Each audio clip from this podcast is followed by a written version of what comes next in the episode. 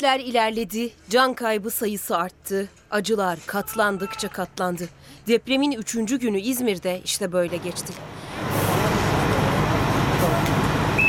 Arama kurtarma ekiplerinin enkaz altındakilere ulaşabilmek için zamana karşı mücadelesi aralıksız sürdü. Beton yığınlarının arasında yardım bekleyenlere ulaşmak içindi tüm çaba. Hepsi yakınım benim onlar. Hepsi yakınım.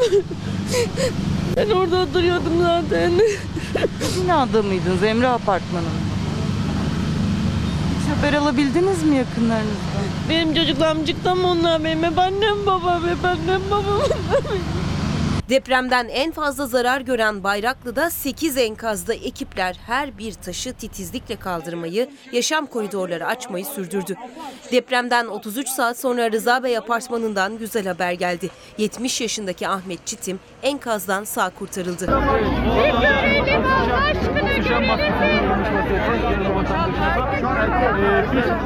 Ama bu sevinç kısa sürdü. Peş peşe acı haberler geldi enkazlardan. Doğanlar Apartmanı'ndan ne yazık ki bu defa müjdeli bir haber gelmedi. Ekipler sedyenin üzerinde ne yazık ki cenaze torbasının içerisinde bir kişiyi çıkarttılar. Saatlerdir buradaki arama çalışmaları sürüyordu. Bir kişiye ulaşmışlardı ve ne yazık ki onu cansız bedeni enkazdan çıkartıldı. Efendim günaydın. Çalar Saat başlıyor. Ben İlker Karagöz. Bugün 2 Kasım 2020 günlerden pazartesi. Yepyeni bir gün, yepyeni bir hafta başlıyor ve biz bu haftada da Cuma günü meydana gelmiş olan o deprem hafta sonu hafta sonu bolca konuştuk. Biz bu depremi niçin yaşadık ve biz bu depremden hangi dersleri çıkarmalıyız? Bunları bolca konuştuk ve yeni güne yeni güne yine işte bu konu bu başlıkla başlayacağız. Aslında sadece biz İzmir'i konuşmayacağız. Biz aynı zamanda Türkiye'yi konuşacağız. İstanbul'u konuşacağız. Diğer yanıyla %98'i fay hatları üzerinde kurulmuş olan bir ülke bu deprem gerçeğiyle ne zaman yüzleşecek acaba bunu konuşacağız. Dayanışmayı konuşacağız. Umut var diyeceğiz. Çünkü umudumuz var. 58 saat sonra 14 yaşında İdil. İdil kurtuldu. Eğer İdil kurtulduysa hani ilk 72 saati kritik olarak adlandırır ya arama kurtarmacılar ya da bu konu uzmanları. Eğer İdil kurtulduysa o enkaz altında hala sağ birileri vardır ve bir nefese tutunmak için çalışıyorlardır, çabalıyorlardır. Bunu konuşmak istiyoruz ve o dayanışma ruhuyla birlikte Günlerdir uykusuz bir şekilde orada bir hayatı daha yakalar mıyım? O eli yakalar mıyım diye mücadele edenler onların gözyaşları, başardıkları için gözyaşları, başaramadıkları için gözyaşları, başkalarının dertleriyle dertlendikleri için, bunu yaşadığımız için, o kalbi, o vicdanı gördüğümüz için biz bugün Çalar Saat'e umut var diyerek başlıyoruz. Ve şimdi umut var derken o mucizeyi 58 saat sonra sarsıntıdan 58 saat sonra gerçekleşen o mucizeyi yaşayalım hep birlikte. Benim ismim neydi? Benim ismim neydi? Bahadır abi. Bahadır. Nereden? Nereden? Balıkesir itfaiyesinden. Bahadır. Çıkacağız buradan. Tamam.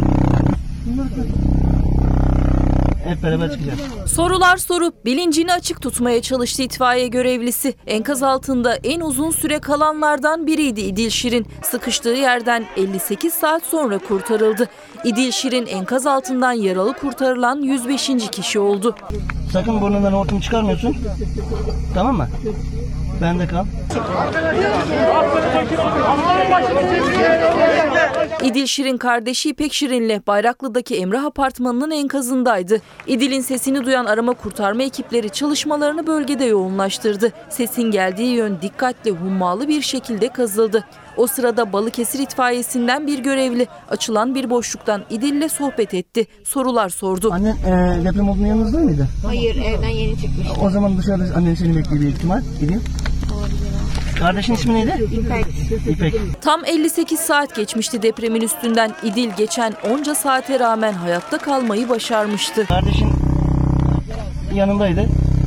Evet o C şeklinde dönmüş sanırım bir yer. Ne dedi sana en son? E, su mu istedi?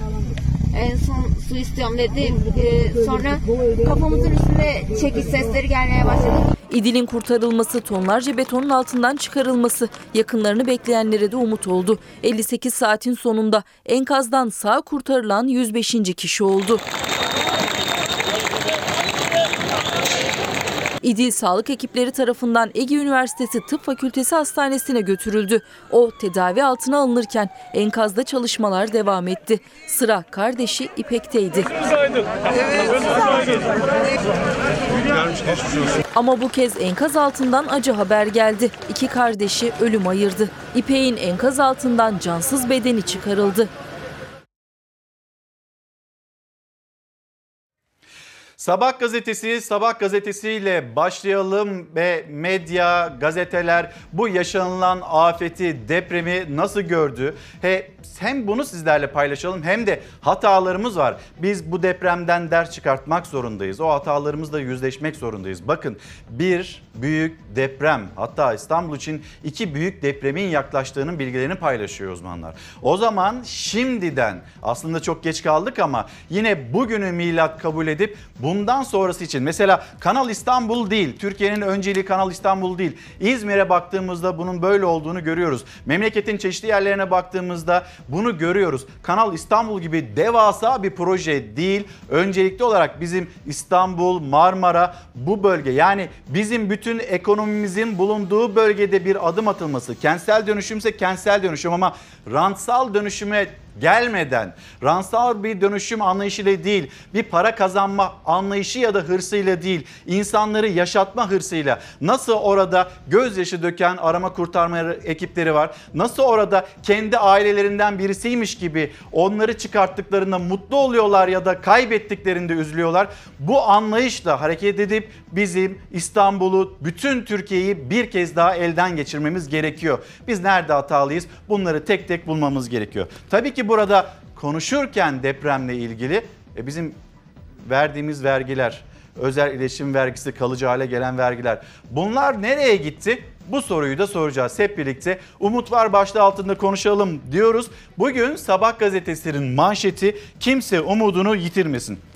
Erzincan depreminde 187 saat sonra mucize eseri enkazdan çıkmayı başaran Nurcan Hemşire İzmir depremi için Sabah gazetesine konuştu. Erzincan'daki 1992 depreminde enkazdan 8 gün sonra çıkartılan ve o depremin simgesi haline gelen Nurcan Eraslan Arslan İzmir depremine Buca'daki evinde yakalandı. 28 yıl önceki depremi hatırladım diyen Arslan şunları söyledi. Ben 187 saat karanlıkta aç susuz kaldım ama sonunda çıkmayı başardım. Bu yüzden enkaz altındakilerin yakınları sabırla beklesin. Kimse umudunu yitirmesin. Ölümü akıllarına getirmesinler dedi. Sabah gazetesinden Ceyhan Torlan haberiydi. Şimdi bu e, haberi paylaştı. Şimdi hemen bir görüntü var. Bir saniye yönetmenimiz Hüseyin'den de rica edeyim. Nereyi nereye aktarıyoruz şu anda?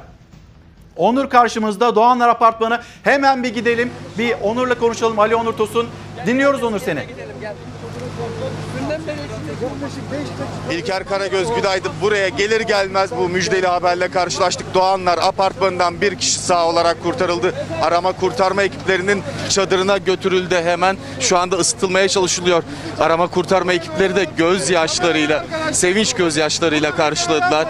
Ve şu anda canlı bir kişi enkazdan 60 saatin üzerinden uzun bir zaman geçmiş olmasına rağmen sağ olarak kurtarıldı. Evet yeniden umutları yeşerten bir haber aldık. Yeniden umutlandık. Arama kurtarma ekipleri de şu anda çok mutlu. Sağlıkçılar çıktı çadırdan. Büyük ihtimalle ilk yardımını yaptılar. Sağlık çalışanları enkazdan çıkartılan kişinin ve şu anda tedavisi devam ediyor diyelim çadırın içinde.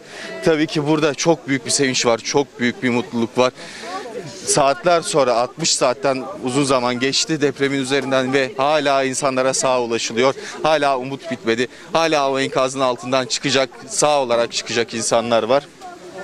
Ve bu müjdeli haberde sabahın Onur, ilk ışıklarıyla Onur, şimdi, geldi. Günün e, ilk kurtarılan Sen de söylüyorsun oldu. Bu 60 Doğanlar saat, Apartmanı'ndan 65 saat biz kişi. zaten Evet. sürekli anlatmaya çalışıyoruz. Umut var. İşte az önce Sabah gazetesinde bir hemşire kimse umudunu yitirmesin.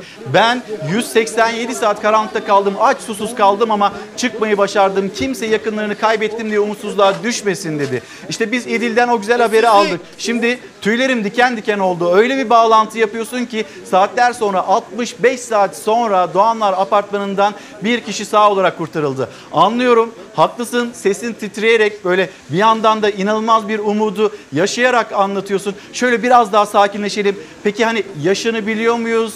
E, nasıl oldu? Sen oradaydın, tanıktın. Biraz daha anlatır mısın bize Onur? İlker Karagöz şu anda anlatamıyorum çünkü yine apartmanın içinde enkazda dinleme yapılıyor ve sessizlik istendi. Burada sessiz olmamız istendi. Ekipler orada birine daha ulaşabilir. Kurtarılan kişinin yanında bir kişi daha olabilir. Ailesinden biri daha ola- Onur, olabilir. tamam. Ona Eğer ulaşmaya bir saniye, o zaman biz oradaki sessizliği hiç bozmayalım. Onur. ediyorum. Onur oradaki sessizliği hiç bozmayalım. Şöyle bir e, Ömür Dikme, Fox e, Haber'den, Fox kameramanı Ömür Dikme şöyle bir kamerayı çevirsin. Biz buradan görüp en azından üzerinde anlatmaya çalışalım Evet, ama sen oradaki gidiyor. sessizliği bozma. İşte evet görüyorsunuz sevgili seyirciler burası Bayraklı Doğanlar Apartmanı. Orada az önce bir mucizeyi yaşadık. 65 saat sonra bir kişi daha bir mucizeyi yaşadık. Umut var dediğimiz sabahta ve yeni güne başlarken Çalar Saat'e başlarken umut var dediğimiz sabahta bir mucizeyi sizlerle paylaşıyoruz. Şu anda o enkazdan çıkartılan kişi e, az sonra öğreneceğiz kim olduğunu. Çadırın içinde tedavi sürecine başlandı. Orada herkes mutlu, orada herkes umutlu. İşte bir yandan görüyorsunuz inanılmaz bir mücadele, inanılmaz bir dayanışmanın örneğinin sergilendiği adres burası Bayraklı ve işte vatandaşlar kim olduğunu öğrenmeye çalışıyorlar. Yakınlar kim olduğunu öğrenmeye çalışıyorlar. Bu arada 3 yaşındaki Elif kurtarıldı. Hani Perinçek ailesi vardı ya yanılıyorsam e, Onur'a tekrar soralım. E, Perinçek ailesi 4 evlatları vardı. Baba günlerdir o kapının önünde bekliyordu. İşte eşi çıktı, çocuklar çıktı. En son 3 yaşındaki Elif'ten bir haber gelsin Elif'e e, acaba ulaşabilir miyiz? Bunun heyecanı merakla bekleniyordu. 3 yaşındaki Elif'in kurtarıldığı bilgisi var. Maalesef o ailede Perinçek ailesinde e, bir evladımızı kaybettik ama o ailenin en küçüğü 3 yaşındaki Elif kurtarıldı. Doğanlar Apartmanı'nda o enkazdan çıkartıldı. Onur Onur tekrar sendeyiz. 3 yaşındaki Elif bilgisi.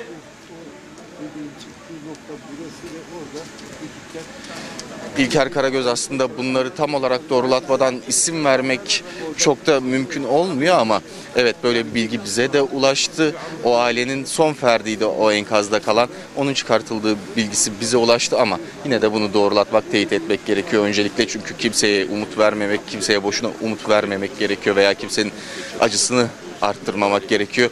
O yüzden bunu tam olarak bir doğrulamamız gerekecek öncelikle. Tamam sakin bir şekilde bekleyelim. İnşallah e, Elif, Elif bebeğimizle ilgili o güzel bir haberi alacağız. Enkazın altından 3 yaşındaki Elif'in çıkartıldığı, Perinçek ailesinin en küçüğünün çıkartıldığı ile ilgili bir bilgi var. Oradaki gazeteci arkadaşlarımız, meslektaşlarımız onlar da çalışmalarına devam ediyorlar. İtfaiye orada, işte AFAD orada, herkes orada, Türkiye orada, İzmir Büyükşehir Belediyesi orada, İstanbul'dan geldi, çevre illerden herkes geldi ve şu anda herkes o çadırın önünde bekleyişini sürdürüyor. Şimdi öyle zannediyorum Onur, Onur bir kez daha kendisine dönülmesini istiyor. Hüseyin Hemen bir e, konuşalım. E, Onur'la tekrar bir Onur'a geri dönelim. Burası Bayraklı Doğanlar Apartmanı. Eğer fiziki şartlar da uygunsa, mümkünse hemen bir Onur'a dönelim.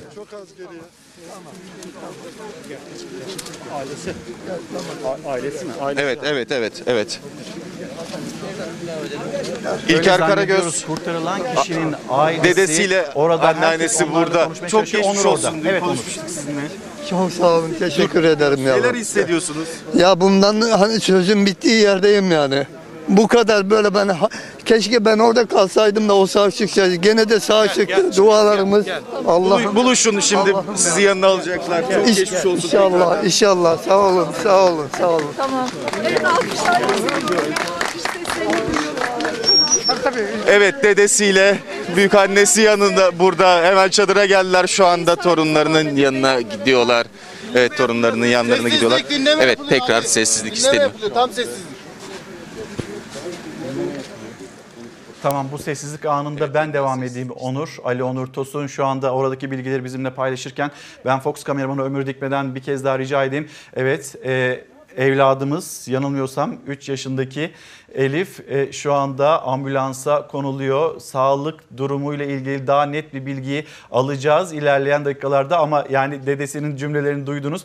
E, insan olan vicdanı olan, kalbi olan herkesin inanılmaz bir şekilde tüylerini diken diken eden bir mucize anına tanıklık ediyorsunuz sizler de. Ve e, Ali Onur devam edelim yoksa oradaki sessizliğin sağlanması isteniyor mu hala? Evet hala bir sessizlik sağlanması isteniyor ama burada zaten cihazlar çalışıyor. Çünkü orada ilk tedavisi yapıldı Elif'in. O yüzden bu cihazların sesini çok bastırmadan size anlatabilirim. İşte burada bakıyorsunuz aileler var. Başka yakınları olan, enkazın altında olan aileler var. Onlar da aslında iyi bir haber bekliyorlardı. Onların haber, onların yakınlarından haber gelmedi ama Elif'ten geldi. Yine aynı mutluluğu yaşadıklarından ben eminim. Gözlerinden okuy- okuyabiliyorum. Arama kurtarma ekiplerinin o mücadelesini görebiliyoruz burada. Onların umutlarını görebiliyoruz. Gözyaşlarıyla çıkarttılar zaten Elif'i enkazın altından.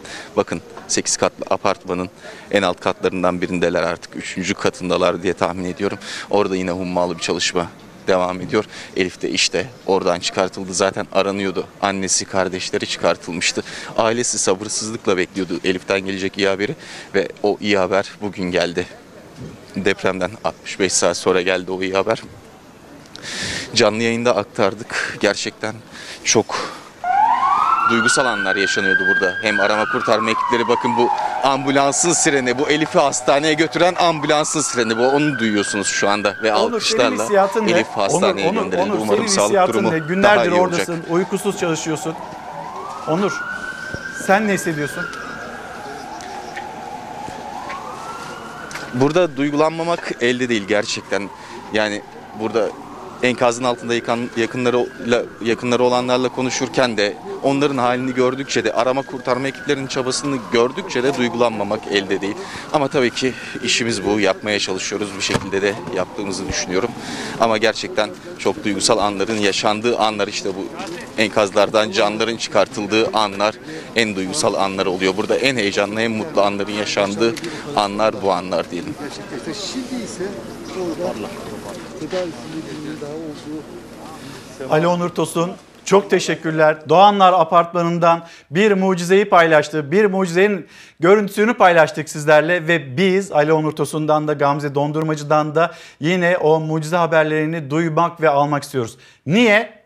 Çünkü umut var. Çıkın ya çıkın çıkın çıkın. Allah Allah apartman gitti. Allah. Kimse var mı?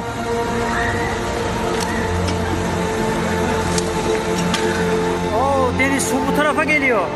Su baksana karada karada. Raziye kaç. Kaç. Kaç. Lütfen düşmeyin. Burada kimse var mı? Tamam hiç korkma. Korkacağın hiçbir şey yok. Dua et tamam mı Sercan? Sakın korkma bak sakın korkma alacağım seni. Ver tabii ki tutarım. Tabii ki. Korkma. Geliyoruz Buse geliyoruz. Dayan.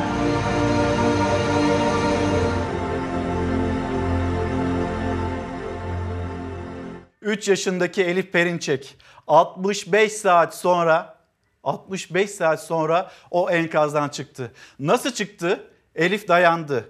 Elif'e ulaşmak için, Elif'e tutunabilmek için, Elif'in elini yakalayabilmek için, Elif'in nefesine nefes katabilmek için işte oradaki kahramanlar, isimsiz kahramanlar günlerdir çalışıyorlardı. İyi ki varsınız. İyi ki varsınız. İyi ki sizin de o güzel kalbiniz var. Biz 99 depreminden sonra belki pek çok şeyi başaramadık. Ama şunu başardık. En azından arama kurtarma ekibi, o vicdanlı ekipler, o çalışkan ekipler onları yaratmayı başardık. Bu bir kazanım. Şimdi bunun üzerine üzerine koymamız lazım. Şimdi biz umut var diyebilmek için ve yine bundan sonra bu tür felaketleri yaşamamak adına daha dikkatli, daha titiz, daha fazla denetimi yukarıda tutmak zorundayız. Şimdi Sözcü gazetesine bakalım. Sözcü gazetesi, Sözcü gazetesinin hemen bir saniye e, Hüseyin ne dedin? Hemen bir daha görüntüleri, hemen bir daha görüntüleri. Tamam paylaşalım. Şimdi Elif'in kurtarılma anı. İşte Perinçek ailesinin en küçüğüydü Elif. Görüyorsunuz çıkartıldı. 65 saat sonra enkazdan çıkartıldı ve ilk tedavisi hemen oradaki sahra çadırında yapıldı. O tedavi tamamlandı. Az önce yayındaydık. Öyle bir siren çaldı ki herkesin içine bir mucizenin sesi olarak doğdu. O siren küçük Elif'i, 3 yaşındaki Elif'i aldı hastaneye götürdü. Şimdi sağlık durumu, sağlık durumu ile ilgili o net bilgileri bekliyoruz. Dedesi, dedesi konuştu. Ben hani ne söyleyeceğimi bilmiyorum, ne ne anlatacağımı bilmiyorum dedi. İnanılmaz bir mutluluğu yaşıyor. Bir tarafında mutluluk var, diğer tarafında acı ve hüzün var. İkisini de birlikte burada konuşmak istiyoruz. Umut var derken, burada bu vicdanlı insanlardan bahsederken e, yine aynı zamanda eksikliklerimizi konuşmamız gerekiyor. Gelelim işte o eksiklikler onları da aslında Sözcü gazetesi ilk sayfasına taşımış. Pek çok gazete ilk sayfasına taşımış. Bayraklı Belediyesi 208 binayı çürük diye bildirmiş ama bakanlık işlem yapmamış. Bayraklı Belediyesi'nin yıkılan 3 bina dahil toplam 208 binanın çürük olduğunu Çevre Bakanlığı'na bildirdiği belirtildi. Buna rağmen binalar boşaltılmamış. Binalar var. Çürük raporu verilmiş. 10 yıl önce, 12 yıl önce 60 gün içinde boşaltılması gereken binalar. Üzerinden 10 yıl geçmiş, 12 yıl geçmiş, kim bilir kaç yıl geçmiş. Denetlenen binalar, e denetlenmeyenler var. İmar barışına sokulanlar ve affedilenler var. O binaların nasıl bir depremden sonra nasıl bir etkiyle karşı karşıya kalacağı, yıkılıp yıkılmayacağına bakılmadan o binalarla biz yüzleşmeden hepsini affettik. Sözcü gazetesinin manşeti afet acil toplanma alanı 24 cenaze var. Yazarımız Yılmaz Özdil memleketi İzmir'de son durumu yerinde inceledi. Sorumsuzlukları kamerasıyla tespit etti. Özdil 6.9'luk depremde yıkılan Doğanlar Apartmanı'nın yanında afet ve acil toplanma alanı yazılı tabelayı görünce şok oldu. Evet biz bunu konuştuk, biz bunu anlattık. Toplanma alanlarımız ne oldu? Ne oldu biz onları ne yaptık? AVM mi yaptık, rezidans mı yaptık? Oysa o alanlar, o alanlara ihtiyacımız var. Bu ülkenin %98'i deprem kuşağı üzerinde, pay hatları üzerine kurulmuş durumda. O deprem toplanma alanları ne oldu? Yine sorularımızdan bir tanesi bu olsun. Maalesef acı, bir yandan sevinci, bir yandan umudu bunları konuşurken acımız var. 79 vatandaşımızı biz burada İzmir depreminde maalesef kaybettik. AFAD'ın yapmış olduğu e, açıklamayı hemen sizlerle paylaşayım. Yaralanan 962 vatandaşımızdan 743'ü taburcu edilmiş olup 219'u İzmir'de ve halen 8 binada arama, kurtarma, enkaz kaldırma çalışmaları devam ediyor.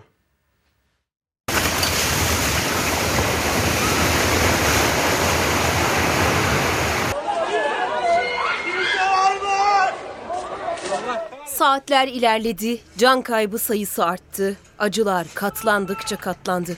Depremin üçüncü günü İzmir'de işte böyle geçti. Arama kurtarma ekiplerinin enkaz altındakilere ulaşabilmek için zamana karşı mücadelesi aralıksız sürdü. Beton yığınlarının arasında yardım bekleyenlere ulaşmak içindi tüm çaba. Hepsi yakınım benim onlar. Hepsi yakınım. ben orada oturuyordum zaten. Binada mıydınız? Emre Apartmanı'nda. Hiç haber alabildiniz mi yakınlarınızdan? Benim çocuklarım çıktı ama onlar benim hep annem babam hep annem babam. Depremden en fazla zarar gören Bayraklı'da 8 enkazda ekipler her bir taşı titizlikle kaldırmayı, yaşam koridorları açmayı sürdürdü. Depremden 33 saat sonra Rıza Bey apartmanından güzel haber geldi. 70 yaşındaki Ahmet Çitim enkazdan sağ kurtarıldı.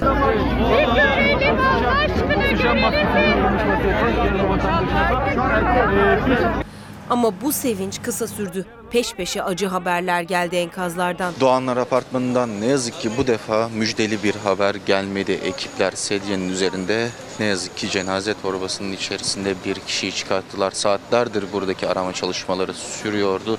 Bir kişiye ulaşmışlardı ve ne yazık ki onu cansız bedeni enkazdan çıkartıldı. Göztepe taraftarı bir dönemde kulüpte staj yapan Ali Çağan kaygısızda hayatını kaybedenler arasında. Ondan geriye taraftar tişörtü anı olarak sakladığı maç biletleri kaldı. Aileleri, sevdikleri enkaz altında olanların talepleri ise yürekleri yaktı. Tam arkadaşlarım bulunduğu yerde dört tane yavrum var. Üç yaşında, beş yaşında ve annem var. Ben onların canlısını istemiyorum. Cesetlerini istemiyorum. Sadece, sadece parçalarını istiyorum. Ama burada bir arama kurtarma faaliyeti yapılıyor. İş makinesinin orada ne işi var? Şu anda gözünüzün önünde. Evet yavrum var orada yavrum. Öyle olmaz. Ne olur ne olur. Yani parçalar Kepçelerle yapmasınlar ne olur. Kepçelerle yapmasınlar. Babaanneleri Arife Yücel'le birlikte torunları 3 yaşındaki Diren, 10 yaşındaki Feda, 4 yaşındaki Lena ve 6 yaşındaki Vera'dan gelecek haberi anneleri oyuncaklarına sarılarak bekledi. Yakınlarından bir haber bekleyenler enkaz başlarından bir an olsun ayrılmadı. Burada bir yakınımızın çocukları enkaz altında. Onları bekliyoruz. İdilli İpek. Onlar birinci kattalar. Daha henüz haber alamadık. İki çocuğu içeride şu an çok kötü. Şu an bekliyoruz işte bak. Bayraklı'da yıkılan Emre Apartmanı'nda sabaha karşı hala arama kurtarma faaliyetleri devam ediyor. Arama kurtarma ekipleri binanın üzerinde çalışmalarını incelikle yürütmeyi sürdürüyor. Binada oturanlar, evlerini kaybedenler ve yakınlarından bir haber bekleyenlerse hemen karşısında kurulan çadır kentte geceyi geçiriyorlar. Kız kardeşimin gelini için buradayım. Ee, gelinimiz halen şeyde yakın enkazda. Çıkaramadılar daha. Üç kız kuaförde çalışıyordu kızımız. Üçü de çıkmadı bekliyoruz. Şimdi yeniden İzmir'e, Bayraklı'ya ve bu kez de Emre Apartmanı'na gideceğiz. 58 saat sonra İdil'den güzel bir haber geldi ve enkaz altından çıkartılan 105. kişi İdil oldu. Ve Fox Haber'den Gamze Dondurmacı, Kazım Gökçe orada. Gamze sen dün konuştun az önce haberde izledik İdil'i bekliyoruz diyordu ailesi. Ve şimdi ne oldu, neler yaşandı son durumu senden dinleyelim. İlker Karagöz 58 saat sonra buradan o umutlu haber geldi. 12 yaşındaki İdil buradan kurtarıldı. Arama kurtarma ekiplerinin yardımıyla İdil'e ulaştılar ve İdil ve kardeşi İpek burada Emrah Apartmanı'nda çıkarıldılar. Ee, İdil kurtarıldı ama kardeşi İpek'ten iyi bir haber gelmedi. İdil'in olduğu yer birinci kattaydı. Bu enkazın altında birinci katta. Bu bina 8 katlı bir bina. Arama kurtarma ekipleri ilk günden bu yana İdil'in olduğu katı tespit etmişler ve oraya ulaşmaya çalışıyorlardı. Ve dün ulaştılar. Aslında gün boyunca burada e, biraz buruk bir hava vardı. Çünkü e, ekipler çalışmalarını sürdürse de umutlu bir hareketlilik yaşanmıyordu. Sürekli enkazın üzerindeki molozlar kaldırılıyor ama e, bir dinleme yapılmıyordu ta ki akşam saatlerine kadar. Akşam saatlerinde bir ses duyulduğu düşünüldü. Önce bir dinleme yapıldı. O dinlemede bir ses alınamadı başta. Sonra hemen arama kurtarma köpekleri tekrar enkazın üzerine bir koku alabilirler mi diye çıkarıldılar ve arama kurtarma köpeklerinden alınan tepkiyle beraber de tekrar dinleme başlandı. Burada bir sessizlik oluştu ve İdil'in sesi o sismik dinleme cihazlarından duyuldu.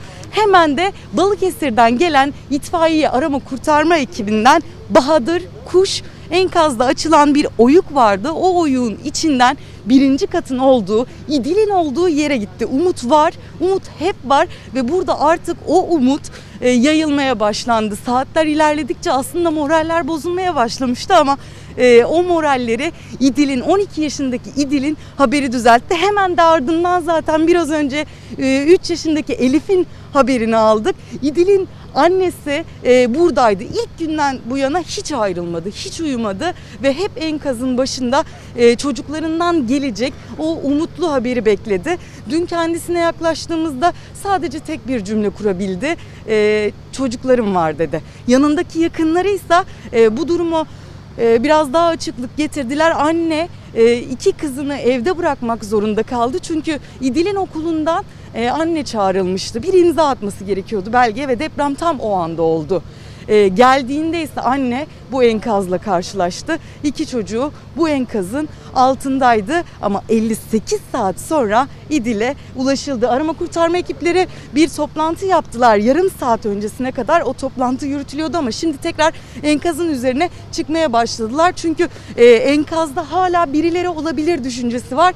Binanın alt katlarında dükkanlar vardı. O dükkanlardan biri de berber dükkanıydı. Özellikle Bayraklı'da çok fazla tercih edilen bir dükkan olduğu için yoğunluğun da e, bu dükkanda olduğu düşünülüyor ve oraya ulaşmaya çalışıyor. Şimdi arama kurtarma ekipleri son sürat yine hiç ara vermeden, hiç umutlarını kaybetmeden çalışmalarını sürdürüyor. UMKE ekipleri de her an ataktalar, her duruma karşı müdahale ediyorlar.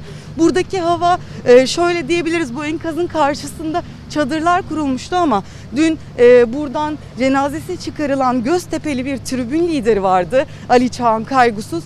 Onun arkadaşları bir yardım kampanyası başlattılar E, ve burada bir sahanın içerisine e, ihtiyaç duyulabilecek ürünler toplandı. Bebek bezleri, çocuk ayakkabıları, kıyafetler, battaniyeler yani ihtiyaç duyulabilecek her şey bu alanda toplandı. Ee, yoğunluklu olarak çocuk ve kadınlar için eşyalar var çünkü depremin saati e, aslında tam da çalışma saatiydi. Yani annelerin, çocukların yoğunluklu olarak evde olduğu saatte o yüzden ihtiyaçlar da genelde temel ihtiyaçlar da bu yönde yoğunlaştırıldı. Burada buranın hemen yanında zaten bir çadır kent var. O çadır kentte de Emre Apartmanı'nın yanında da yıkılmak üzere olan hasarlı, enkazlı binalar var. O binalardan çıkarılanlar kalıyor. Emrah Apartmanı'nda hala umutla bir yakınını bekleyen, bir yakınını arayan e, depremzedeler içinde aslında burası kuruldu. Onlar da hala bekleyişlerini sürdürüyor. E, bugün burada yine çalışmalar devam edecek çünkü kaç kişinin olduğu henüz kestirilemiyor. Ee, arama kurtarma ekipleri enkaz karşısında çalışmalarını yürütürken, sürdürürken de yürütürken de e, buradaki ailelerin bekleyişleri devam edecek bütün gün boyunca çünkü umut var ve o umut içinde burada e, kurulan çadırların karşısında bekleyiş sürecek arama kurtarma ve itfaiye ekipleri yine enkazın üzerinde görüyorsunuz. E, kameraman arkadaşım Kazım Gökçe gösterecek şimdi çalışmalarını yine hızlandırdı. Özellikle büyük moloz parçalarını şimdi kaldırmaya başlayacaklar ki sonrasında yine bir sismik dinleme ve arama kurtarma köpeklerinin e, faaliyetlerini daha hızlı yürütebilmeleri ve yine o umutlu haber gelebilsin diye hızlı çalışmalarını sürdürmeleri için şimdi enkazın üzerinde yoğun bir çalışma başlatıldı İlker Karagöz. Gamze Dondurmacı teşekkürler. Emre Apartmanı, Emre Apartmanı'ndan son durumu Gamze Dondurmacı ve Kazım Gökçe Fox Haber'den aktardı. Gamze de söyledi. İşte Ali Onur Tosun da söyledi. Sonra ekrana yansıyanlar önce İdil'den sonra Küçük Elif'ten ekrana yansıyanlar bize bir umudun var olduğunu gösteriyor. Ama her şeyden çok o dayanışma ruhu gördüğünüz bir orada bir basketbol sahası var ve o basketbol sahasında ihtiyaç olur diye bütün vatandaşların nasıl bir dayanışma içinde olduğunu ve nasıl hani kimin neye ihtiyacı varsa lütfen gelsin buradan alsın. Tamam devlet var, devletin imkanları var, yetkililer var. Neye ihtiyacınız var diyor. İşte çadır kentler kuruluyor. Tamam ama bu yeterli değil. Belki de yeterli gelmez diyen insanların feraseti de var. Ya da orada arama kurtarma ekipleri tekrar söyleyelim ailesinden birisini çıkartmış gibi o enkazdan buna sevinenler ya da çıkartamadığı için buna gözyaşı dökenler var. O enkazın üzerinde böyle tırnaklarıyla betonları kazıyan oradaki betonların arasından bir hayatı daha yakalamaya çalışan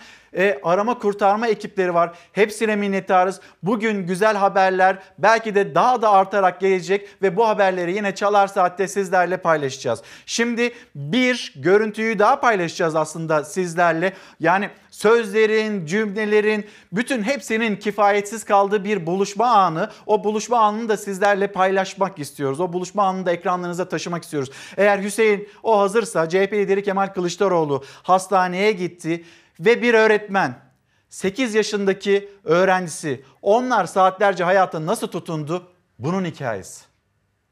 Sadece el eleydik. Birbirimiz, o bana elini uzatıyordu, ben onun elini öpüyordum. Ben onun elini uzatıyordum, o benim elimi öpüyordu. Tek hatırladığım bu. Yani birbirimizin yüzünü asla göremiyorduk. Bu şekilde anlıyorduk. Tonlarca enkazın altında 8 yaşındaki öğrencisiyle bir buçuk saati böyle geçirdi genç öğretmen. El ele tutuşup hayata da tutunmuşlardı aslında. Konuşamıyor, kıpırdayamıyor, sadece tuttukları elden güç alıyorlardı. Beton yığınlarının arasındaki o kör karanlıkta hayatta olduklarından emin olabilmelerini sağlayan birbirlerine değen elleri oldu. Onunla birlikte merdiven boşluğuna düştük ve tam böyle merdivenlerdeydik. Bütün hepsi üzerimizde düştü. Yani bütün binanın ağırlığı üzerimizde. CHP Genel Başkanı Kemal Kılıçdaroğlu enkaz altından çıkarılan ve Ege Üniversitesi Hastanesi'nde tedavi altına alınan yaralıları ziyaret etti. Özel ders verdiği öğrencisiyle birlikte enkaz altında kalan genç öğretmen o dakikaları anlattı. Dinleyenin bile nefesi daralıyordu. Bir ara kurtarmaya çalıştılar onu hatırlıyorum. O arada bizi kurtarmaya çalışırlarken bina çöküyor diye bir daha bir sessizlik oldu ve bizim nefesimiz bitmeye başladı.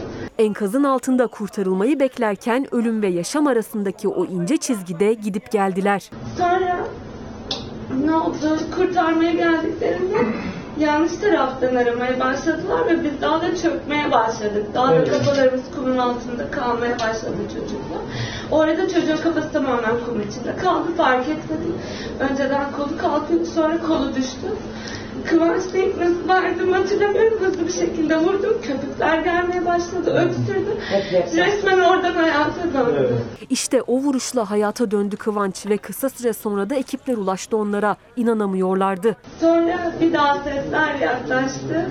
Bir yarım saat sonra arada nasıl kurtulduk bilmiyorum mezardan çıktık. Tek hatırladığım bu. Çocuk da diyormuş buna şey sen benim annemsin artık. Sen benim annem oldun. Sen beni kurtardın.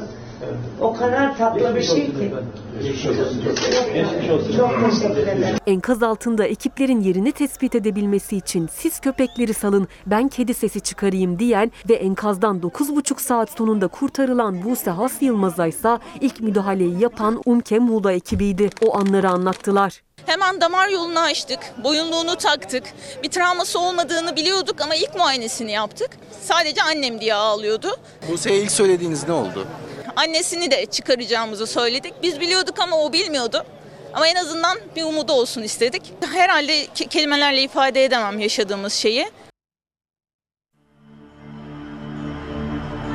Çıkın ya çıkın çıkın çıkın. Allah Allah apartman gitti. Allah. Kimse var mı?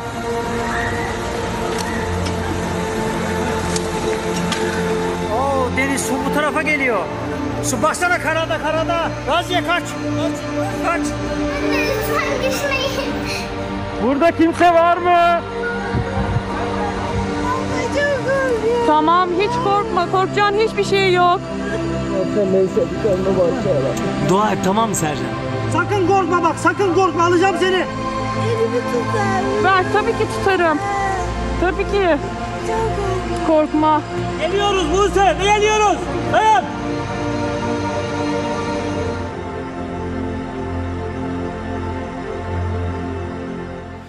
Efendim devam edeceğiz. Güzel başladık. Güzel bir şekilde de haberlerimizi, güzel haberler alacağımız bir gün olsun istiyoruz. Ve bu şekilde de sürdürmek istiyoruz. Reklamlara gideceğiz. Ama sizlerin bir merakı var. O merakına dair de hemen bir açıklama yapalım. İsmail Küçükkaya, İsmail Küçükkaya niçin bugün ya da bu hafta ekranda olmayacak? E, Cuma günü e, bir test yaptırmıştı ve o testinin pozitif olduğu ortaya çıktı. Bununla ilgili bir sosyal medya paylaşım var. Ben de zaten yayın öncesinde kendisiyle konuştum. Onunla ilgili notlarımı da aktaracağım. Aklımız, kalbimiz İzmir'de. Kayıplarımız var. Acımız büyük. Kurtarma çalışmaları halen devam ediyor. Enkaz altında kalanlar için dua ediyoruz. Bu şartlarda kişinin kendi durumundan bahsetmesi hoş değil. Kendimi bu duruma düşürmek istemem. Lakin küçük bir açıklama yapmaya mecburum. Perşembe günü test yaptırdım ve sonucunu beklerken tedbiren izolasyona girdim. Yaptırdığım COVID-19 testi pozitif çıktı. Tedavi sürecim evde devam ediyor. Semptomlarım ağır seyretmiyor. Durumum iyi. Teşekkür ederim dedi İsmail Küçükkaya.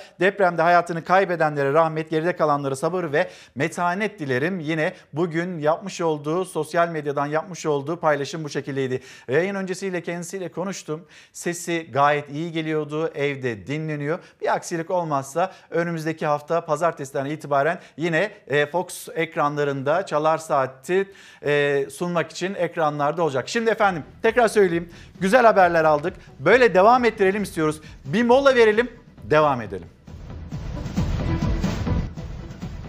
Efendim bir kez daha günaydın. Çalar Saat devam ediyor. Ben İlker Karagöz. Bir yanımız hüzün, acı, diğer yanımız sevinç ve umut. Şimdi bir mucize gerçekleşti. 58 saat sonra İdil, İdil enkazdan çıkartıldı ve diğer e, haberi de zaten Çalar Saat'in başında sizlerle paylaştık. 3 yaşında, 3 yaşında küçücük bir bebek, bir çocuk 65 saat sonra Doğanlar Apartmanı'nda o enkazdan çıkartıldı. Şimdi o görüntüleri bir kez daha hatırlayalım ve şunu söyleyelim. Umut var. Bravo! Bravo!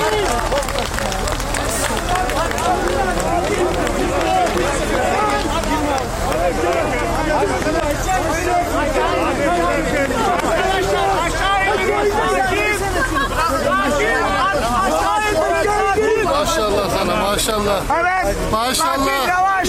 Maşallah kızım. Sakin yavaş arkadaşlar. Allah maşallah. Sakin yavaş lütfen. Maşallah. Allah bize bir mucize yarattı, mucize. Yedi katın altından canlı çıkmak ne demek yani? Yaşıyor, yaşıyor arkadaşlar, yaşıyor.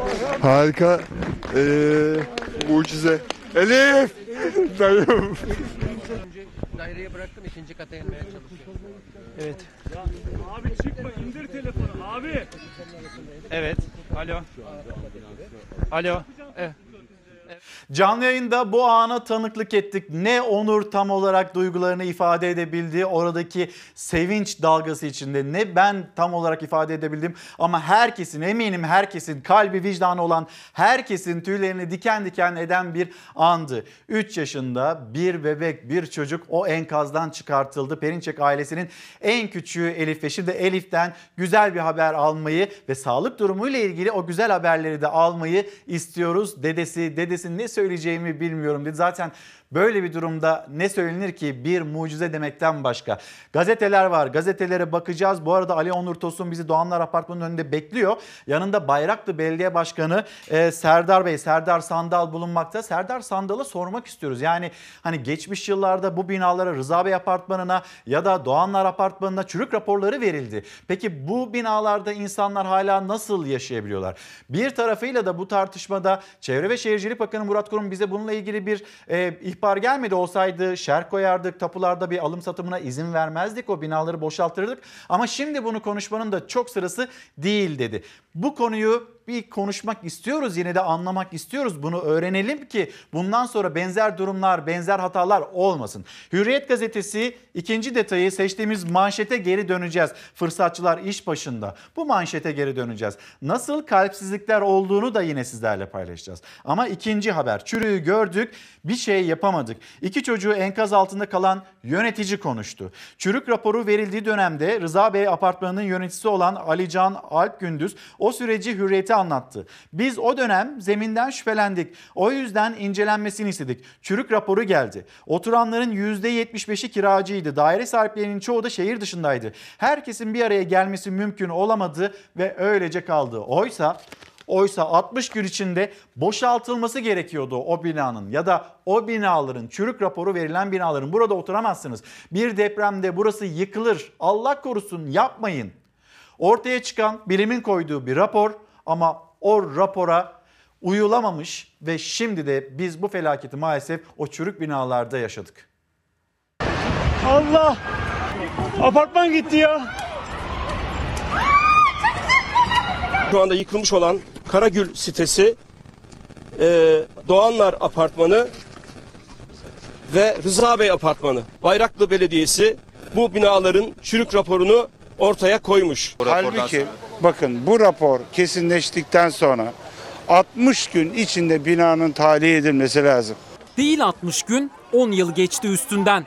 Belediyenin çürük raporu verdiği binalar boşaltılmadı. Sonuç felaket oldu. Çürük raporu varmış bu binalar hakkında. Yetkililerden aldığım duyduğuma göre altta kafe varmış. Bu kafe bu alttaki kolonları kesmiş. Sonuç bu maalesef. Bu binaların pek bodrum katları yok. Neredeyse toprağın bir metre altında bir temel sistemi. Kesin bu te- e, zemine uygun olmayan temel sistemiyle yapılan binalar. En çok can kaybı Doğanlar Apartmanı, Rıza Bey Apartmanı ve Karagül sitesinde yaşandı. Üçü de kara listedeydi. Doğanlara 30 yıl önce, Rıza Bey'e de 27 yıl önce ruhsat verilmişti. 10 yıl önce Bayraklı Belediyesi denetim yaptı. Hazırladığı raporlara göre 3 binada depreme dayanıksız çıktı. İlgili idare belediye. Belediye bunu adım adım ve il, ilçe ise de kaymakamlık adım adım takip etmek zorunda. Türkiye'de sadece bu bina değil, iddialı bir şey söylüyorum. Binlerce tapuya tescilli yapılmış riskli bina var. Ev sahipleri uyarıldı. Ancak uyarıyla yetindi yetkililer. Ev sahipleri de boşaltmadı evleri. 2012 ve 2018 yıllarında da raporlar düzenlendi. Aynı tehlikeye dikkat çekildi. Bu düzenlenen raporları ilgili kişilere iletildi ve bu ilgili kişiler de gerekli yerlere ilettiyse görevini neden yapmadı? İlker Karagöz'le Çalar Saat'e konuk olan ODTÜ İnşaat Mühendisliği Fakültesi öğretim üyesi Profesör Doktor Haluk Sucuoğlu'nun anlattıkları da aslında yaşananların özetiydi. İlgisizlik, denetimsizlik. Yani bilirkişi olarak ortalıkta gezen bir sürü insan var. Bunların bilir, bilirkişilikleri nereden geliyor? E Siz binaya sağlam raporu mu istiyorsunuz? Peki onu verelim. Bu bina çürük mü olsun? Peki yık, yık- yıkmak mı istiyorsunuz? Binaya çürük raporu verelim. Aynı binadan bahsediyorsunuz. Yani biri ak biri kara. Yani böyle böyle bir rezillik olur mu? Efendim şimdi yeniden Bayraklı'ya döneceğiz. Karşımızda Ali Onur Tosun ve Ali Onur Tosun'un da yanında Bayraklı Belediye Başkanı Serdar Sandal bulunmakta. Ali Onur sizi dinliyoruz. İlker Karagöz Bayraklı Belediye Başkanı Serdar Sandal yanımızda. Hemen soracağım. Dün çokça gündeme geldi. Dedik ki bu binalarla ilgili, 3 bina ile ilgili özellikle çürük raporları verilmiş. Belediye bunları denetlemiş. Ama sonuç karşımızda. Neden yaşandı? Şimdi e, daha önceki yıllarda belediyemiz vatandaştan gelen talep doğrultusunda ilgili binalarla ilgili bir e, rapor hazırlamış ve raporu apartman yönetimine teslim etmiş. E, bu süreç içerisinde yapılması gereken e, apartman yönetiminin ve vatandaşlarımızın bunu ilgili resmi kurumlara bildirmesi. Burada şu sorulabilir. Peki Bayraklı Belediyesi bunu resmi kurumlara niye bildirmedi? Bizim burada aldığımız karar tavsiye niteliğinde. Vatandaştan gelen talep doğrultusunda ilgili birimlerimiz gidip gerekli incelemeleri yapıp ilgili kararı, raporu e, vatandaşlarımıza tebliğ ediyorlar. Bu şunun gibi. Ben bir matematik öğretmeniyim. Sizin şu an nezle ya da grip olduğunuzla ilgili kanaatimi, tavsiye kararımı size söyleyebilirim. Ama sizin bunu resmi bir kuruma götürme işlemi benim imzamla olabilecek bir işlem değil. Şu an yan taraftaki binada da benzer bir hasar var. Bu hasar gözle görünüyor. Ben bu hasarı tespit etmek benim kanuni olarak görevim değil. Böyle bir yetkim yok. Kimin yetkisi ve görev alanı Bu yetki çevre ve şehircilikte. Yani şu an e, Bayraklı Belediyesi'nde 105 binanın tahliyesiyle ilgili bir karar var. Bu kararı da Bayraklı Belediyesi vermiyor. Sonuç itibariyle Çevre Şehircilik Bakanlığı buradaki hasar tespitini yapıyor. Ondan sonra karar resmileşip bu karar neticesinde işlemler gerçekleşiyor. Burada şu da söylenebilir. Yüzlerce bilim adamımız çeşitli programlarda, çeşitli oturumlarda Türkiye'nin deprem haritasıyla ilgili, risklerle ilgili beyanlarda bulunuyorlar. İzmir'in %60'ı ile ilgili bir sıkıntı var. Eğer bir suç duyurusunda veya resmi bir talepte şeylerin söylenmesi gerekiyorsa ben Bayraklı Belediye Başkanı olarak söylüyorum. Kentimizin yüzde kırkında benzer bir sorun var. Lütfen bunu resmi bir beyan olarak kabul etsinler o zaman. Peki sadece bu üç bina değil, diğer binalarla ilgili de sizin tespitleriniz var. Belediyenin tespitleri var. Evet. O bina, başka binalarda güçlendirme yapılmış mı veya Çevre ve Şehircilik Bakanlığı'na başvurulmuş? Şimdi enteresan bir işlem. Ee, herkes bir suskunluğa bürünmüş durumda. İşte yan tarafta Doğanlar Apartmanı'nın yöneticisi enteresan bir işlemdir ki şu an yönetimden istifa etmiş. Ortada bina yok. Mevcut yönetici istifa ediyor. Bu vebalin altına giremem diyerek aslında. Yani bilemiyorum. Ee, bir suskunluk var. Oysa mahallelinin, apartman sakinlerinin buradaki doğruları ve gerçekleri vatandaşla paylaşmaları, kamuyla paylaşmaları bu konuda sorun ve sıkıntı varsa da idari ve e, adli soruşturmanın bir an önce başlaması lazım. Peki siz ne yapabilirdiniz? Nereye başvurabilirdiniz? Böyle bir şans var mıydı? Şimdi böyle bir şansımız yok. Yani yetkisi bizde olmayan bir işin yazısını herhangi bir resmi kuruma yazamayız biz. Yani söz konusu binada bir hasar var. Ben şimdi Bayraklı Belediye Başkanı olarak bu binanın hasarıyla ilgili herhangi bir e, bakanla yazı yazamam.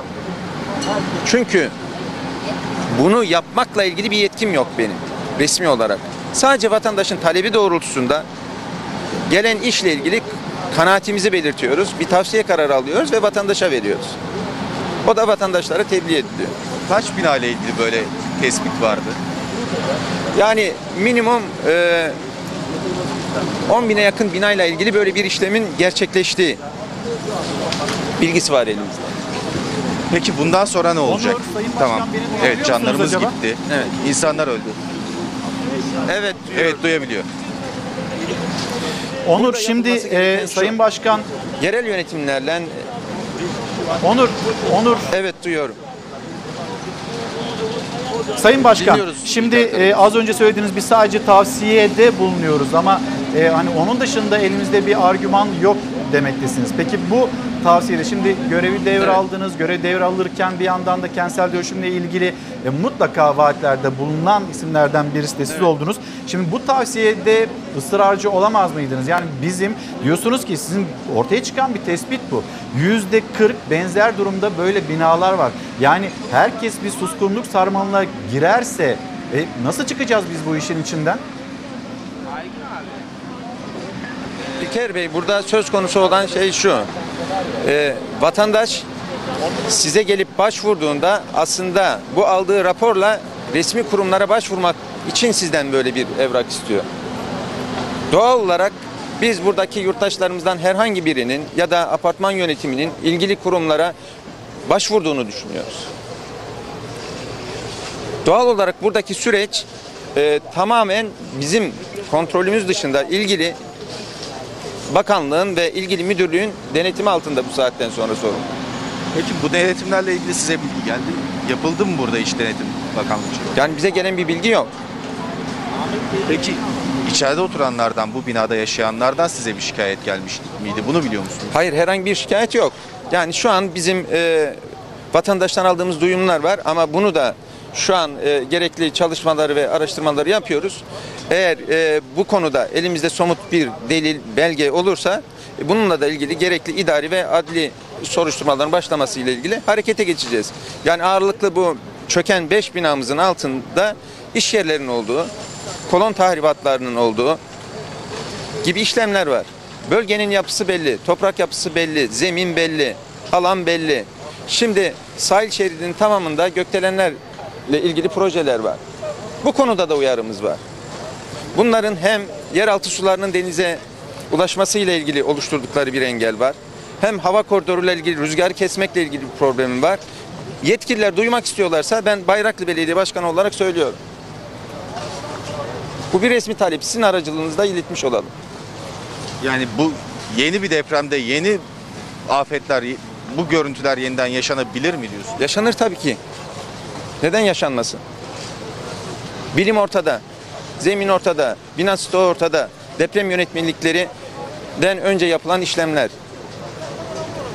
Yani belli bir 30 yıl önceki binanın yapılış deprem yönetmeliğiyle bu binaların herhangi 7 şiddetine yakın bir depremde 10-15 saniye sürebilecek bir depremde ayakta kalabilme şansları yok. Ve bütün endişemiz, bütün kaygımız şu an 105 bina.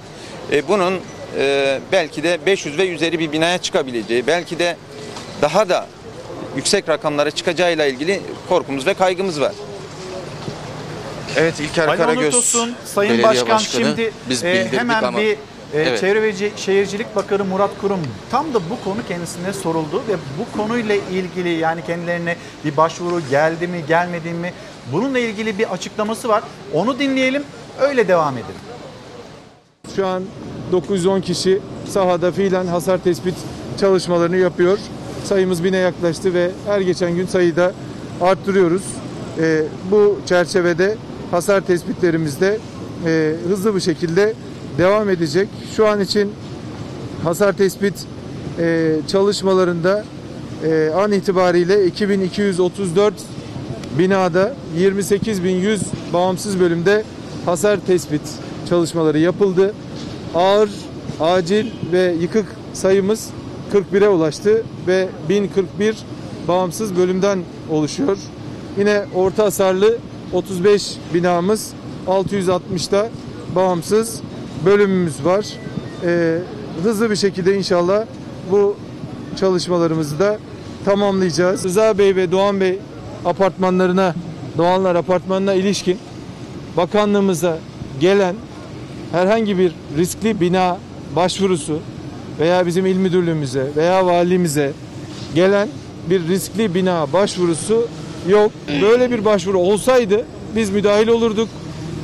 Bu başvuru sonrasında binamı, binamıza tapuya şer koyardık ve riskli gördüğümüz binanın da acilen boşaltılarak yıkımını sağlardık. Dolayısıyla böyle bir durum söz konusu değil. Bugün bunların konuşmanın zamanı da değil. Bunları tartışmanın zamanı da değil. Başkan şimdi riskli bina başvurusu yok demekte. Ee, Sayın Bakan'ın açıklaması e, bu şekilde. Ama işte 10 yıl önce 12 yıl önce çürük raporu alınmış. Bu raporlar hani vatandaşın tavsiyesiyle alındı da bakanlığa bildirilmedi mi? Biz burada bunu niye yaşıyoruz? Şimdi İlker Bey, sonuç itibariyle e, bu tür kararların e, çevre şehirciliğe gitmesi vatandaşlarımız tarafından. Yani vatandaşlarımız bizden bu bilgiyi ilgili resmi kurum ve kuruluşlara müracaat için istiyorlar. Sayın e, Bakanımızın da demin söylediği gibi hasarlı bina tespitlerini kendileri yapıyorlar. Tamamen yetki onlarda. Ama ilgili bir düzenleme yapılırsa bu şekilde e, belediyelerin de yetkisi olduğu takdirde biz söz konusu raporları resmi kurumlara bildirmek zorunda kalırız ve bu işlemde de herhangi bir sıkıntı ve sorun yaşanmamış olur.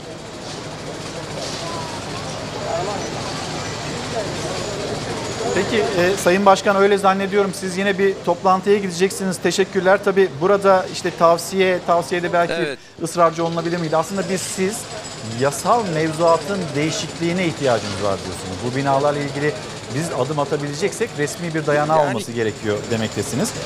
Evet. İl- İl- İlker Bey burada mesele şu. Üç binamızda yaklaşık yüze yakın vatandaşımızın yaşadığını kabul edebilirsek e, herhalde bir vatandaşımız ilgili resmi kuruma bu konuyla ilgili müracaatını iletmiştir. E, apartman yöneticisinin e, şu an istifa etmesi oldukça manidar.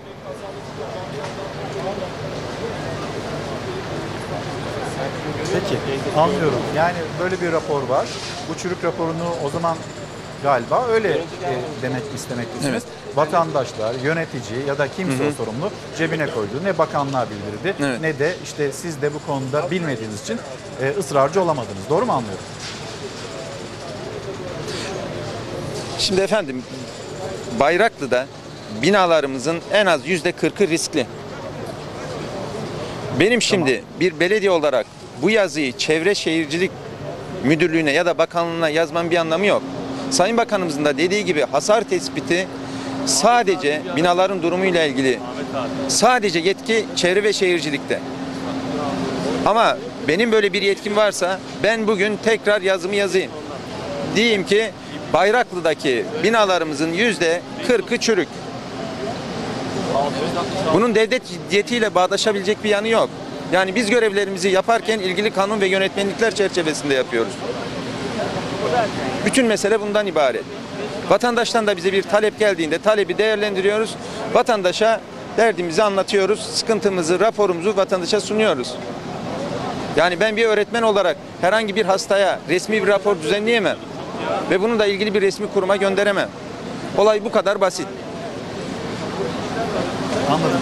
Peki Sayın Başkan teşekkürler. Ali Onur Tosun. Ali Onur Tosun e, bu yayın için teşekkür, ederken bir kez daha hazır sana bağlanmışken bir Doğanlar Apartmanı, Doğanlar Apartmanı'nın çevresinde olup bitenlerle ilgili bir son durumu aktarır mısın? Oradan müjdeli haberi sen verdin, bütün Türkiye ile paylaştık. Bir arkanı dönsen, bir anlatsan şu anda çalışmalar ne durumda? İlker Karagöz aslında hemen o müjdeli haberin ardından ard arda burada dinleme yapıldı binanın içinde. Ard arda sessizlik istendi ve dakikalarca binanın içinden bir ses, bir nefes beklendi. Ama sanıyorum bulunamadı ama tahminim de o ki çok yakınlar. Gerçekten çok yakınlar. Çünkü o çalışmalar tüm hızıyla devam ediyor. Ömür Dikme size gösterecek. Bakın ekipler yine bir noktaya yoğunlaşmış durumda. Diğer taraftaki ekipler de onlardan gelecek bir haber bekliyorlar. Ona göre hareket edecekler. Şu anda dozerler fazla olan buradaki molozu kaldırıyorlar ki ekipler daha rahat çalışabilsin. Yani burada hala umut bitmedi. 65 saat sonra Elif çıkarıldı buradan. Başkaları niye çıkmasın? Tabii ki içeride hala kalanlar var. Hala bir umut var. Hala yaşıyor olabilecekleri düşünülüyor. Çünkü ekipler hep şunu söylüyor bize. Biz bu enkazın altındaki herkesi canlı sayıyoruz. Yani buradan çıkan herkes, burada hayatını kaybetmiş kimseyi aramıyorlar. Burada ekipler canlı birisini arıyorlar ve bu böyle devam edecek. Bu enkaz tamamen ortadan kalkana kadar bu böyle devam edecek. Ekipler canlı birini aramaya devam edecekler burada. Ali Onur Tosun çok teşekkürler hem sana hem de Ömür Dikme'ye tekrar bir gelişme olduğunda son durumu almak için yine size bağlanacağız. Şimdi bir Milliyet gazetesine bakalım. Şimdi Sayın Belediye Başkanı Serdar Sandal'la konuştuk. Çevre ve Şehircilik Bakanı Murat Kurum, onun cümlelerini duyduk. Murat Kurum e, bize gelen bir e, rapor yok diyor, bir tespit yok diyor. Olsaydı biz zaten gerekli işlemi yapardık diyor. E, diğer tarafıyla benim zaten elimde böyle bir yetki yok. Buradaki bütün yetki zaten bakanlığın. Ben sadece tavsiye kararı alabilirim ama bunun bir resmiyeti yok demekte belediye başkanı. Yani top döndü dolaştı orada yine vatandaşa geldi. Tablo bu şekilde. Gelelim bir Milliyet Gazetesi. Milliyet Gazetesi'nin manşeti Göz göre göre yıkım. Manşete dönüp baktığımızda İzmir depreminde en büyük hasarın oluştuğu Bayraklı'da zemin etüdünden denetim mekanizmasına kadar ihmaller zinciri var. Bayraklı'nın geçmişte sulak tarım arazisi olduğunu söyleyen uzmanlar İzmir körfezini çevreleyen yapılarında çamur tabakada yer aldığına dikkat çekti. 9 Eylül Üniversitesi Deprem Merkezi Müdürü Profesör Hasan Sözbilir binalar yönetmeliğe uygun olsa hasar bile oluşmazdı. Bayraklı'da etütten denetime ihmali olan herkes sorumlu dedi. Dün burada ağırladığımız Profesör Do- Doktor Haluk Sucuoğlu. Siz bu denetimlerden sonra resmi kanallarda bir kişinin ya da bu depremlerden sonra bir kişinin ya bir kişinin bir ceza aldığını gördünüz mü dedi. Yani bir başı bozukluk var, bir ihmaller zinciri var ya da ne bileyim e, bir, bir prosedürler zinciri var. O prosedürler zinciri içinde kaybolan hayatlar var. Burayı da onarmamız gerekiyor. Binalarımız onaralım ama en başta galiba mevzuata gelmemiz gerekiyor. İnşaat e, Mühendisleri Odası Başkanı Eylem Ayatar, alüvyon zemindeki sık- sıkıntılar bilindiği halde inşaat izni verildiğini söylediği Genel Sekreter Rahmi Alper'de imar affı sonrası denetim kalktı. Sağlamla çürük bina eş değer oldu. Bayraklı Belediye Başkanı Sandalsa yıkılan binanın depreme dayanıklı olup olmadığını bilemem ifadelerini kullandı. Bilemem diyor. Az önce de işte e, Sayın Serdar Sandal'ın cümlelerini sizler de duydunuz. Milliyet Gazetesi'nden e, Milliyet Gazetesi'ni okuduk. Şimdi devam edelim bir zemin etüdüne bakalım. Zemin bu binalara dayanıklı mı? Ya da o betonlara bakalım. Betonları elinize aldığınızda, şöyle bir sıktığınızda o betonlar kum şeklinde aşağı dökülüyor mu, dökülmüyor mu? Sağlam yapılmış mı o binalar? Şuna bak. Buyurun. Buyurun. Bunda beton diye bir şey yok. Sadece kum. Günah. Günah bu millete ya. Şuna bak. Bak kardeş. Bu beton kırılır mı Allah aşkına? Tam arkamdaki bu beton parçası Doğanlar Apartmanı'nın enkazından çıkartılmış bir parça. İçindeki demirlerden anladığımız kadarıyla bir kolon ya da kiriş bu ama beton kalitesine hemen bakıyoruz. Elle bile parçalanabiliyor. Aslında yaşanan tüm acının özetiydi bu. Un ufak olmuş, parçalanmış betonlar aileleri de parçaladı. Sırf ceplere daha fazla kalsın diye malzemeden çalınmıştı yine. Ve bir kez daha deprem değil, para hırsı ve vicdansızlık öldürdü canları. En çok kaybın yaşandığı yer aslında Bayraklı'daki Rıza Bey apartmanı aslında burada blokları görüyorsunuz. Ee, buradaki parçalardan da ne kadar e, aslında betonun e, güçsüz olduğunu da görebiliyoruz. Hemen elimizde dağılıyor beton. Burada kullanılan demirler de iddiaya göre yuvarlak demirler. Yani deprem sırasında betonla kolay ayrışabilecek demirler kullanıldı. İzmir'i vuran depremde acı gerçeği enkaz alanları anlattı. Çöken binaların yıkıntılarında yine tanıdık görüntüler vardı. Beton dayanıksızdı. Demir de kullanılması gereken demir değildi. Normal bir şey değil. Bu yapılan deniz kumu bu. Bu beton öyle kırılmaz. Mümkün değil. Bu müteahhitlerin utanıyorum artık bir şey söyleme. Şuna bak. Buyurun. Bu beton esasında bir pres altında ancak büyük basınçlar yapılarak kırılabilir. Ama şu betona baktığımızda içinde istiridye kabuklarından tutun her şey var. Ve elimle ben bunu un ufak edebileceğim. Yani hiç fazla zorlamadan bakın elimle bunu tuz gö- görüyorsunuz. Bakın al. Hemen yanımdaki bu betonlar Doğanlar Apartmanı'nın enkazından çıkartılmış betonlar. Sanıyorum bir tavan parçası bu ve bu da taşıyıcı bir kiriş diye düşünüyorum. Bakın betonun halini görüyorsunuz. Elle bile parçalamak mümkün ve buradaki demirler çentikli demir değil tamamen düz demirler kullanılmış. O beton ve demirler kirişleri kolonları taşıyamadı. Geriye moloz yığınları ve gözyaşı kaldı. Rıza Bey apartmanında ana kolonları taşıyan işte bu demirler 10'luk 12'lik demirlerden oluşuyor. Yani aslında kullanılmaması gereken demirler, kolonları taşıyan demirlerin işte bu kalınlıkta olması gerekiyordu. Malzemeden çalmış. Böyle türe kullanılmaz. İzmir depreminde yıkılan binalardan bir tanesi de Emrah Apartmanı. Emrah Apartmanı bir enkaz yığını halinde ve o enkazın ardında öyle bir hikaye kaldı ki az sonra ekranlarınıza taşıyacağız. Gazeteler, gazete pencere yaşıyor olabilirlerdi dedi. Bugün okurların karşısına bu başlıkla çıktı. İzmir'de çöken binalardan üçüyle ilgili çürük raporu düzenlendi ama kimse bir şey yapmadı. Tüyler ürperten iddianın sahibi deprem bölgesinde inceleme yapan CHP heyeti. Şehircilik Bakanı iddia, iddiaya valiliğe gelen bir başvuru yok yanıtını verdi. Şehircilik Bakanı topu işte başka bir yere atıyor. E işte bakıyorsunuz belediye başkanı e, Bayraklı Belediyesi onlar başka bir yere e, atmaktalar. Bu binaların yapısını, gücünü, dayanıklılığını acaba kimler test ediyor? Belki bunu da konuşmak gerekiyor. Bir Karar Gazetesi'ne de bakalım hep birlikte. Karar Gazetesi'nin sürü manşetinde daha çok Rıza Bey var. 15 saniyede yıkılan binaların enkazından hem umut hem acı çıktı. Göz göre göre facianın simgesi haline gelen Rıza Bey apartmanı ise tabut evleri hatırlattı. İzmir ve İstanbul başta fay hatlarındaki çürük yapılara kepçe için artık e, yapılara kepçe için artık kaydedilebilecek bir gün bile yok.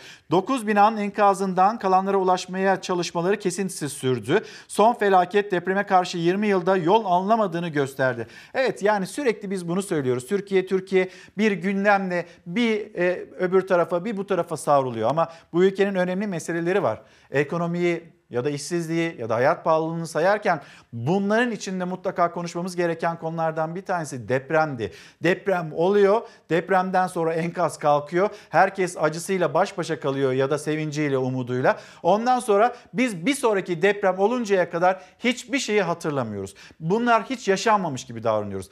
İstanbul'da bir deprem meydana geldi 5.7 şiddetinde. Konuştuk, konuştuk, konuştuk, unutuldu. Memleketin çeşitli yerlerinde depremler meydana geldi. Aman acaba İstanbul depremini tetikler mi? Konuştuk, konuştuk, konuştuk, unutuldu. İzmir'i konuşuyoruz. İzmir'le birlikte yine İstanbul'u konuşuyoruz. Enkaz kalktığında unutacağız. Maalesef unutacağız. Umut var derken bir yandan da bir umudu yeşertebilmek istiyorsak Lütfen bu konunun es geçilmemesi için herkes, devleti yöneten herkesin mevzuat mı değişecek? Mevzuatı değiştirin. Belediyeler sorumluluk mu alacak? Belediyeler sorumluluk alsın ama artık bir şey yapılsın. Çürük binalar var. İmar affı çıkartarak, kasaya para gelsin diyerek bir yol alınamadığını, insanların, canların kaybolduğunu hep birlikte görüyoruz, yaşıyoruz mucizelere tutunmaya çalışıyoruz. İşte Elif, az sonra Elif'le ilgili inanılmaz görüntüler var. Gamze Dondurmacı ve e, Fox Haber e, şu anda Çalar Saat izleyicileri ilk kez göreceksiniz o anlar, o anların kurtul o kurtuluşla ilgili, İdil'le ilgili o görüntüleri sizlerle paylaşacağız ve İdil'i oradan enkazın içinden alan arama kurtarma ekibi onlarla da bir yayın gerçekleştireceğiz. Ve Karar Gazetesi az önce de söyledik daha çok Rıza Bey var. Tedbir almazsak daha çok Rıza Bey apartmanlarını burada anlatmak zorunda kalırız. Şimdi Emre Apartmanı. Bina kurabiye gibiymiş. Dağılıyormuş yani. Ee, ne demir ne çimento hiçbir şey kullanılmamış. Erzincan depreminden buraya geldiklerini biliyoruz. Binayı yapmışlar Hayati amca. Binayı yapıp 1992 Erzincan depreminde hayatını kaybeden torunu Emrah'ın ismini verdi müteahhit Hayati Uzun. Emrah apartmanında oğlu, gelini ve iki torunu yaşıyordu. İzmir depremine dayanamadı Emrah apartmanı. Gelini ve iki torununa mezar oldu. Enkazdan 6 cansız beden çıkarıldı. O apartmanda çoğu insan zaten depremden kaçarak buraya gelmiş ve burada tekrardan depreme yakalanmışlar. Çatlaklar var madem. Neden o zaman insanlar oturdu? Neden o zaman mühürlemediniz? Müteahhit Hayati Uzun 1992 depreminde Erzincan'daki depremde torunu Emrah'ı kaybetti. İzmir'e yerleşme kararı aldılar ve gelince de arkamdaki bu binayı inşa etti. Emrah Apartmanı'nı. Yani kaybettiği torununun adını verdi bu apartmana ve İzmir'de deprem bu apartmanı tuzla buz haline getirdi. Ve bu enkazdan binanın müteahhiti Hayati Uzun'un iki torunu ve gelini cansız olarak çıkarıldı. 28 yıl önce kaybettiği torununun adını yaşattığı apartman şimdi iki torununa ve gelinine mezar oldu. Bina kurabiye gibiymiş. Dağılıyormuş yani. Ee, ne demir ne çimento hiçbir şey kullanılmamış. Müteahhit Didim'de yaşıyor. Oğluysa Emrah Apartmanı'ndaydı. O yaralı olarak çıkarıldı. Gelini Rabia Uzun ve kendisiyle aynı adı taşıyan torunu 17 yaşındaki Hayati Uzun'la diğer torunuysa yıkılan binada hayatını kaybetti. Aslında Emrah Apartmanı'nda çatlaklar olduğu biliniyordu. 10 yıl önce güçlendirme yapılmıştı. Çatlaklar var madem. Neden o zaman insanlar oturdu? Neden o zaman mühürlemediniz? Hala enkaz altında olanlar var. Çalışmalar devam ediyor. Bir umut, yakınlarının iyi haberini bekleyenlerin ise aklında geç kalmış sorular ve tespitler var. Hiç demir yok ya. Demir yok yani. Kum oldu resmen. Belediyelerin de burada sorumluluğu olduğunu hatırlatıyor. Zeynep Hanım Bayraklı Belediye Başkanı vatandaş evini neden şikayet etsin diye Bayraklı Belediye Başkanı'na sesleniyor. Siz yönetici olarak bu konuda nasıl her şeye ceza yazılıyorsa bütün binaları didik didik araştırın demekte. Bayraklı Belediye Başkanı da benim elimde böyle bir yetki yok ki açıklamasını yapıyor. Yani kim suçlu? Hala ortada yok. Ee, Marmara Ereğlisi'nde 7 ya da 7.2'lik bir deprem bekleniyor. O bölgeye denetim yapılıyor mu? Silivri'ye 20 katlı binalar diktiler son 3-4 senedir. Peki burası depremde en ağır hasarı yaşayabilecek olan yerlerden birisi değil mi? Hemen izleyicimizin ismini de okuyayım. Ee, Aslı Gültekin den gelen bir e, mesajdı. Şimdi sosyal medya hesaplarımızı hatırlatalım. İlker Karagöz Fox, e, Instagram adresim Karagoz İlker, Twitter adresim. Buradan bize ulaşabilirsiniz. Umut var başlığı altında konuşuyoruz. Hem umut var yaşayarak görüyoruz hem de umut var diyebilmek için bizim denetimleri artırmamız lazım ya da o önlemlerin arttığını görmemiz gerekiyor. Tabii ki acı haberler de alıyoruz. O acı haberlerden bir tanesi de TEOK birincisi e, Arda'ya dairdi. E, Tunceli Çemişkezek'te çobanlık yapan Arda Demir 17 yaşındaydı. 2017'de TEOK birincisi oldu. Özel bir okulu kazanınca ailesiyle İzmir'e taşındı. Depreme tek yakalanan Arda'nın cansız bedenine ulaşıldı. Hürriyet gazetesindeki haber bu şekildeydi. Ve şimdi Arda, Arda son yolculuğuna uğurlandı.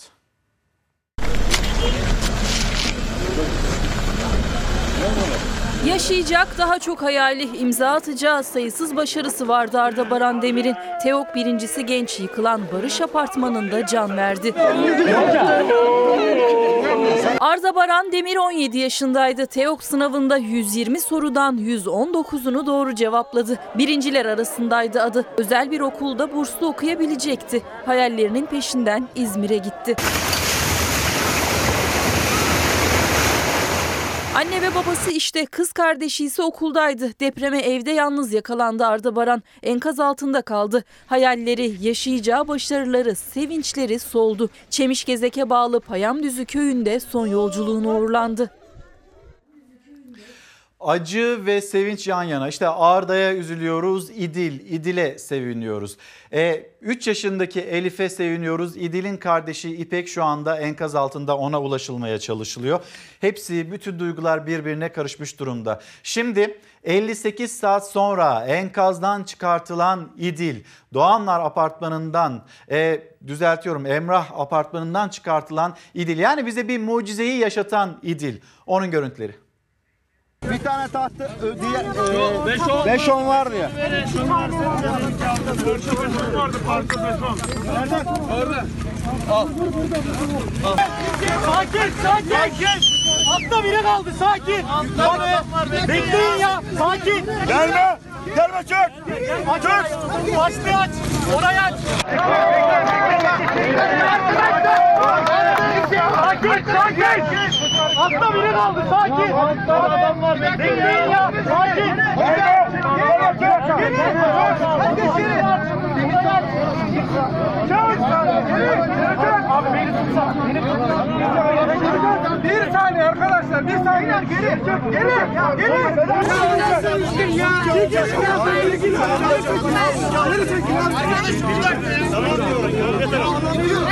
Bakın bak bak. Bir oyunluk alabilir miyim?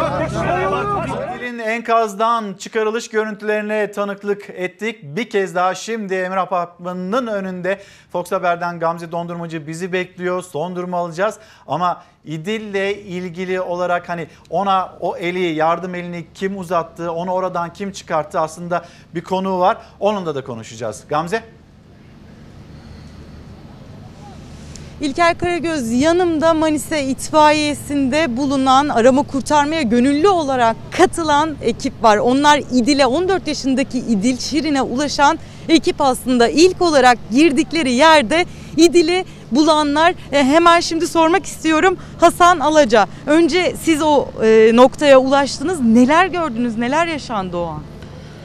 Biz kazma kürek sürekli açıyorduk enkazı. Ee, bir enkaz boşluk oluştu. O boşluktan baktığımızda el fenerini tuttuğumuzda bir çift göz böyle parlamaya başladı. Baktık iyice e, göz kırpıyordu. Canlı olduğunu hissettik. E, yaşadığını görünce e, sağlık durumunu sordum. Gayet iyiydi. Sağlığı yerindeydi. Bilinci yerindeydi. İlk ne söyledi size? Nasılsın dedim, iyiyim dedi. Ee, bir acınsızın var mı dedim. Ayağımın üzerinde dedi bir baskı var dedi. Ayağım acıyor dedi. Ee, zannedersem koltuk veya sandalye basmış ayağından. Onun için acıyordu. Bizden bir isteğin var mı diye sordum. Ee, su istiyorum dedi. Ama bizim su verme gibi bir şeyimiz yoktu sağlık açısından. Ee, tamam vereceğiz dedim. Ee, yalnız mısın diye sordum. Kardeşim var dedi. Kardeşim dedi yaşıyor mu dedim. Bugüne kadar dedi konuşuyordu ama bugün dedi cevap vermiyor dedi. Büyük bir ihtimal eks oldu dedi.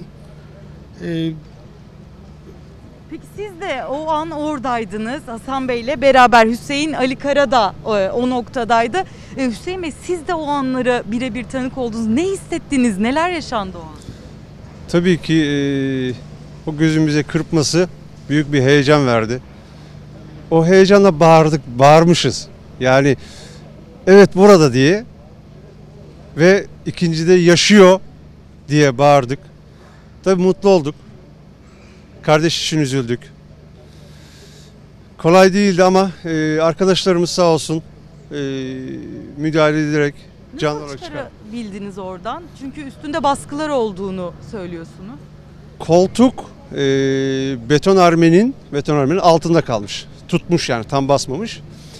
E, iki çift sandalye sandalye tam üzerine ayaklarının üzerine gelmiş kalmış.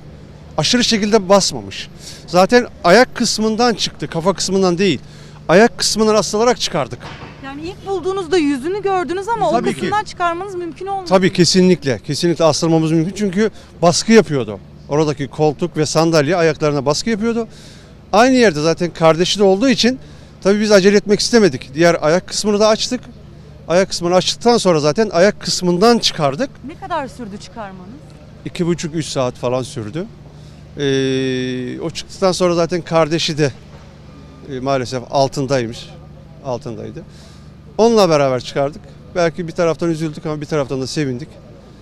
Ne diyelim? Bunlar 58 saat sonra yüreklere e, yeşerten, umudu veren e, aslında ekipte Manisa itfaiyesinde ve onların lideri şu anda itfaiye daire başkanı da yanımızda Gürhan e, İnan. Burada şimdi çalışmalar yürütülüyor ama siz kaç kişilik ekip geldiniz? Nasıl bir ekip, nasıl bir çalışma yürütüldü? Biz Manisa Büyükşehir Belediyesi İtfaiye Dairesi Başkanlığı olarak burada 86 ekibimiz, 16 aracımızla beraber buradayız çalışmıyoruz. Büyük 3 enkazda ekiplerimiz var. Ee, şu anda e, Emre Apartmanı olsun, Zabe Apartmanı olsun, Doğan, Doğanlar Apartmanı olsun üçünde de var. Arkada, Yani yıkımın olduğu alanlarda evet, görevdesiniz. Evet, o- oralarda e, 86 kişi oldukça biliyorsunuz fazla. Onlar arkadaşlarla tüm özveriyle sağ olsunlar çalışıyorlar, titizlikle çalışıyorlar. Hatta e, Emre Apartmanı'nda arkadaşlarım bahsettiği gibi hani bir yaşam umuduyla o göz göze gelmeleri e, büyük bir e, mucize. Bizim için de çok sevindirici. Hem moral motive oluyor arkadaşlar için. Çok iyi oldu. Hemen arkadaşlar zaten e, birebir e, ben de diğer enkazlardaydım. Hemen e, konuşmaya başladığımızda burada e, diye hemen başkanım e, buradalar. Bir can- canlı bulduk. Çok sevinçlilerdi. Ve ekiplerle beraber hepsi e, hemen e, şey çalışmaya başladılar. Sağ olsun bize diğer e, Balıkesir itfaiye diğer itfaiyeler de yardımcı oldu. UMKE ekipleriyle beraber hemen e, çıkardık e, kız çocuğumuzu. Enkazdan belli eşyalar da çıkartıyorsunuz. O eşyaların arasında neler var? Nereye gidiyor o eşya? En- Enkazın arasında değerli e, ziynet eşyaları, e, paralar, ondan sonra fotoğraf albümleri var. E, Özel sandıklarda e, saklanmış bazı mektuplar da buluyoruz. Onlarla ilgili e, emanet çadırlarımız var. Emanet çadırlarımıza oraya götürerek bir tutanak altında hep beraber imzalayarak emanetleri bırakıyoruz. Ailelere teslim edilsin O diye. evet aileleri teslim edilsin. Nerede bulundu, kaçıncı katta bulundu gibi tahminler üzerine hangi fotoğraflar vardı ya da kimin üzerinde ismi yazıyordu, hangi ekip buldu, kime verildi, kime teslim edildi. Hem bizde hem de polislerde ekip arkadaşlarda kalacak şekilde bir emanet e, veriyoruz. Şimdi burada çalışmayı yürüten yüzlerce ekip var aslında ama onlar buldukları anıları da ayırıyorlar. Çünkü ailelerle buluşturulması önemli o anıların. O anılar da bir noktada toplanıyor ama özellikle bir rica var yetkililerden. Bulunan anılar sosyal medya hesaplarından paylaştırılırsa eğer ailelerle, depremzedelerle buluşturulabilir. Özellikle de bu ricanın yerine getirilmesini istiyorlar İlker Karagöz.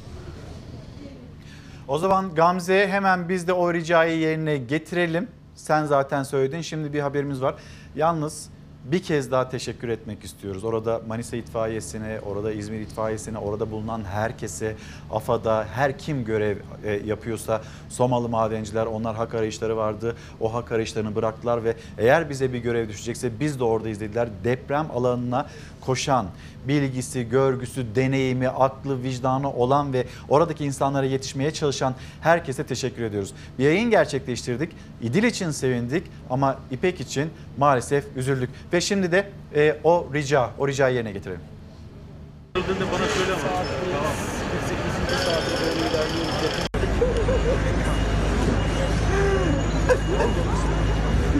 Bir zamanlar ev, yuva, ekmek teknesi olan binalar, toz, toprak, moloz yığını artık. Peki anılar? Onlar da taşların arasından gün yüzüne çıkan bir yırtık fotoğraf, bir oyuncak da gizli. Lütfen bütün sosyal medya hesaplarınızda paylaşın.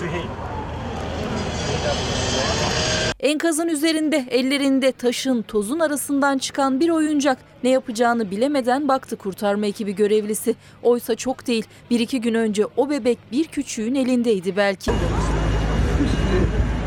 Bir cüzdansa yakınlarının gözyaşlarına boğulmasına yetti.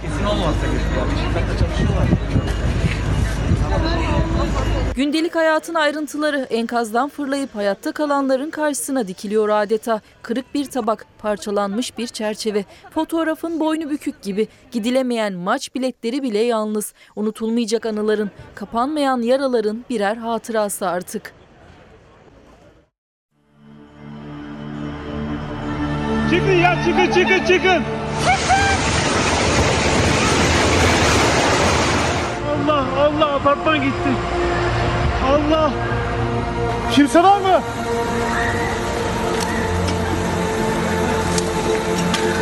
Oo deniz su bu tarafa geliyor. Su baksana karada karada. Raziye kaç. Kaç. Kaç. Lütfen düşmeyin. Burada kimse var mı? Tamam hiç korkma. Korkacağın hiçbir şey yok. Dua et tamam mı Sercan? Sakın korkma bak sakın korkma alacağım seni. Elimi tutar. Ver tabii ki tutarım. Tabii ki. Korkma. Geliyoruz Buse geliyoruz. Evet.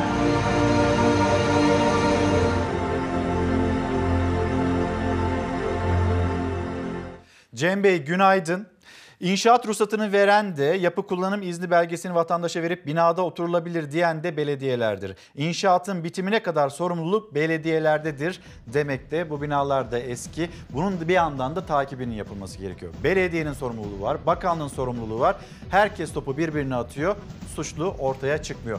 Efendim şimdi bir mola vereceğiz, döneceğiz. Bugün güzel haberler de paylaştık, acı haberleri paylaştık ama güzel mucizenin gerçekleştiği anlara da hep birlikte tanıklık ettik.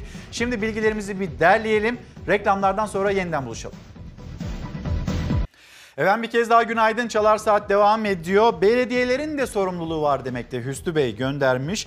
Eğer bina çürükse oturma ruhsatını iptal etmek sizin göreviniz. 10 bin bina varsa sıkıntılı ya da çürük olan ne yapacak insanlar? Kaderlerine mi terk edilecek? İşte bu hatırlatmayı yapıyor.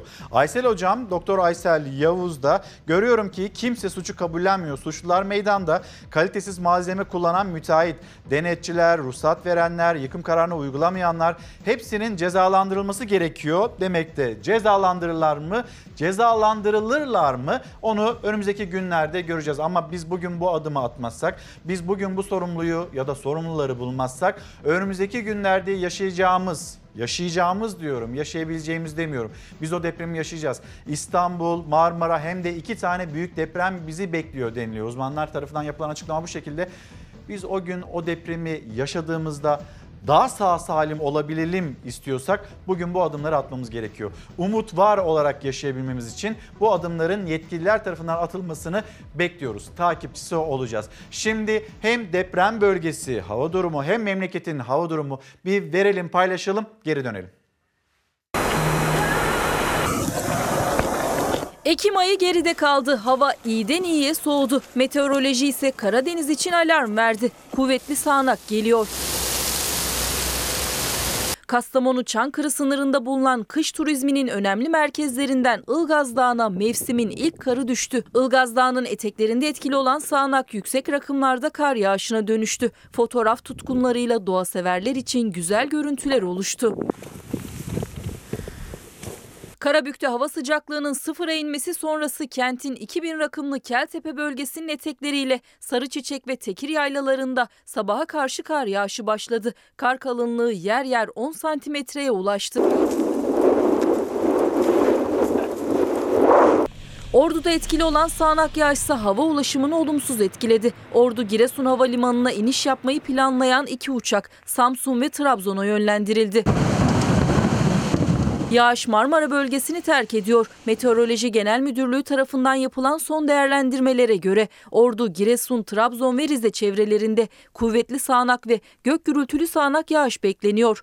Doğu Anadolu'da hafta boyunca yağışlı. Meydana gelebilecek sel, su baskını, heyelan ve ulaşımda aksamalar gibi olumsuzluklara karşı dikkatli ve tedbirli olmakta fayda var. Ve deprem bölgesi İzmir. Serin bir gece geçirdi depremzedeler. Kuzey ve iç kesimleri yer yer çok bulutlu bir gökyüzü var. Gece 10 dereceye düşen sıcaklık, gündüz 20 derece olacak kentte. İzmir'de mucizenin adı 65 saat sonra 3 yaşındaki Elif oldu. 58 saat sonra İzmir'de Bayraklı'da bir başka mucizenin adı İdil'di. Bu mucize haberlerini, yeni günün ilk haberlerini aktarırken size bu mucize haberlerini paylaşmaktan da büyük bir sevinç duyduk. Tüylerimizi diken diken anlara hep birlikte tanıklık ettik. Bir tarafıyla seviniyoruz. Yaşasın diyoruz. Çocuklarımıza ulaştık. Çocuklarımızı o enkazdan, o beton yığınlarının tonlarca ağırlığındaki o beton yığınlarının altından çıkarttık diyoruz.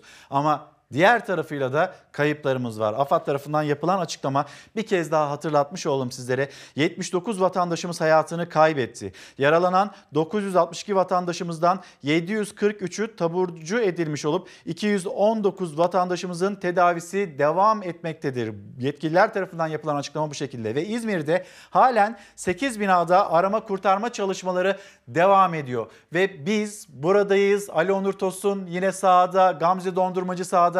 Buradan güzel bir haber geldiğinde karşınızda olacağız. O anları ekranlarınıza yansıtacağız ve o sevinci, o mutluluğu hep birlikte yaşamak istiyoruz. Şimdi bir Hürriyet gazetesi, Hürriyet gazetesinin manşetini sizlerle paylaşmak istiyorum. Biz iyi, olumluyu, güzeli, vicdani olanı, e, akli olanı ve kalbe dair olanları aktarmaya çalışırken Hürriyet gazetesinin manşeti. Fırsatçılar iş başında. Depremde binalara hasar alan binlerce kişi evsiz kaldı. Bir yandan evleri sağlam olanlar hemşerilerine kapılarını koşulsuz açarken bir yandan da kiralara bir günde faiz zam yapan fırsatçılar türedi. Acil olarak evlerini taşımak zorunda kalan ev sahipleri boş ev bulmakta zorlanıyor. Bazı ev sahipleri artan talep nedeniyle boş olan evlerin fiyatlarını arttırdı. Bayraklı'da yaşayan Süleyman Güler, binamız ağır hasarlı. Eşyalarımdan bir kısmını alıp çıktım. Bazı emlakçılar 400-500 lira fazla kira talep ediyor dedi. Emlak ofisi sahibi Uğur Berkant Balta az katlı ve müstakil evlere talebin arttığını söyledi. Satılık villa fiyatına bir günde 150 bin lira zam yapan mülk sahibi olduğunu belirten Balta, Bornova'dan arayanlar az katlı ve 2010 sonrası yapılmış ev soruyor. Önümüzdeki dönemde fiyatlar daha da artacak bilgisini verdi. İşte bu fırsatçılar var. Bir de yine ekranlarınıza taşıyacağız. Depremzedeler için getirilmiş olan yardımlar var. Devletin, belediyelerin, herkesin yapmış olduğu yardımlar. Ya da işte ne bileyim vatandaş ihtiyacınız vardır diye az önce Gamze Dondurmacı da gösterdi. İşte e, çocuklar için kıyafetler, işte ne bileyim çocuk bezleri bunu getiren insanlar var. Ve buraya gelen, buradaki malzemeleri alan, bu malzemeleri alıp dükkanına götürüp satmaya çalışanlar var. O da e, duyarlı insanlar tarafından görüntülendi, engellendi.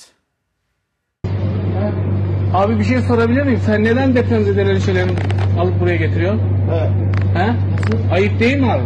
O kadar insan burada ihtiyaç sahibi neden alıyor? Beş kere gördüm seni, beş kere. Getirip getirip durdun abi. Ayıp değil mi? Tamam. He? Ayıp değil mi abi? Tamam abi. Yazık değil mi ya? o kadar insan mağdur ya. Arkadaşız biz. Tamam arkadaşız. Yaptığın ne kadar ayıp ya? Getirip buraya satıyor mu sen? He? Senin adın ne abi? Polise vereceğim seni. Niye abi? Niye yapıyorsun öyle bir şey? Abi Beş kere geçtim buradan ya. Beş kere geçtim buradan. Ayıp değil mi? He? Cebinde poşetle dolaşıyor. Yok abi. Ayıp değil mi? Götür onları yerine koy. Tamam. Götür aldığın gibi koy. Tamam. Abi götür onları yerine koy. Götür abi. Tamam tamam.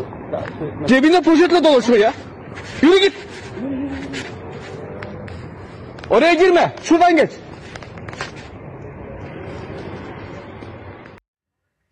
Biz bu andan ya da bu yaşanılandan da utandık maalesef. Yani burada ne söyleyeceğiz? Ne söylememiz gerekiyor? Daha doğrusu ben burada sözü size bırakayım da sizin cümlelerinizi okuyayım. Şimdi efendim tekrar İzmir'deyiz. İzmir'de hayatını kaybedenler var. Gece nasıl geçti? Bunun görüntüleri.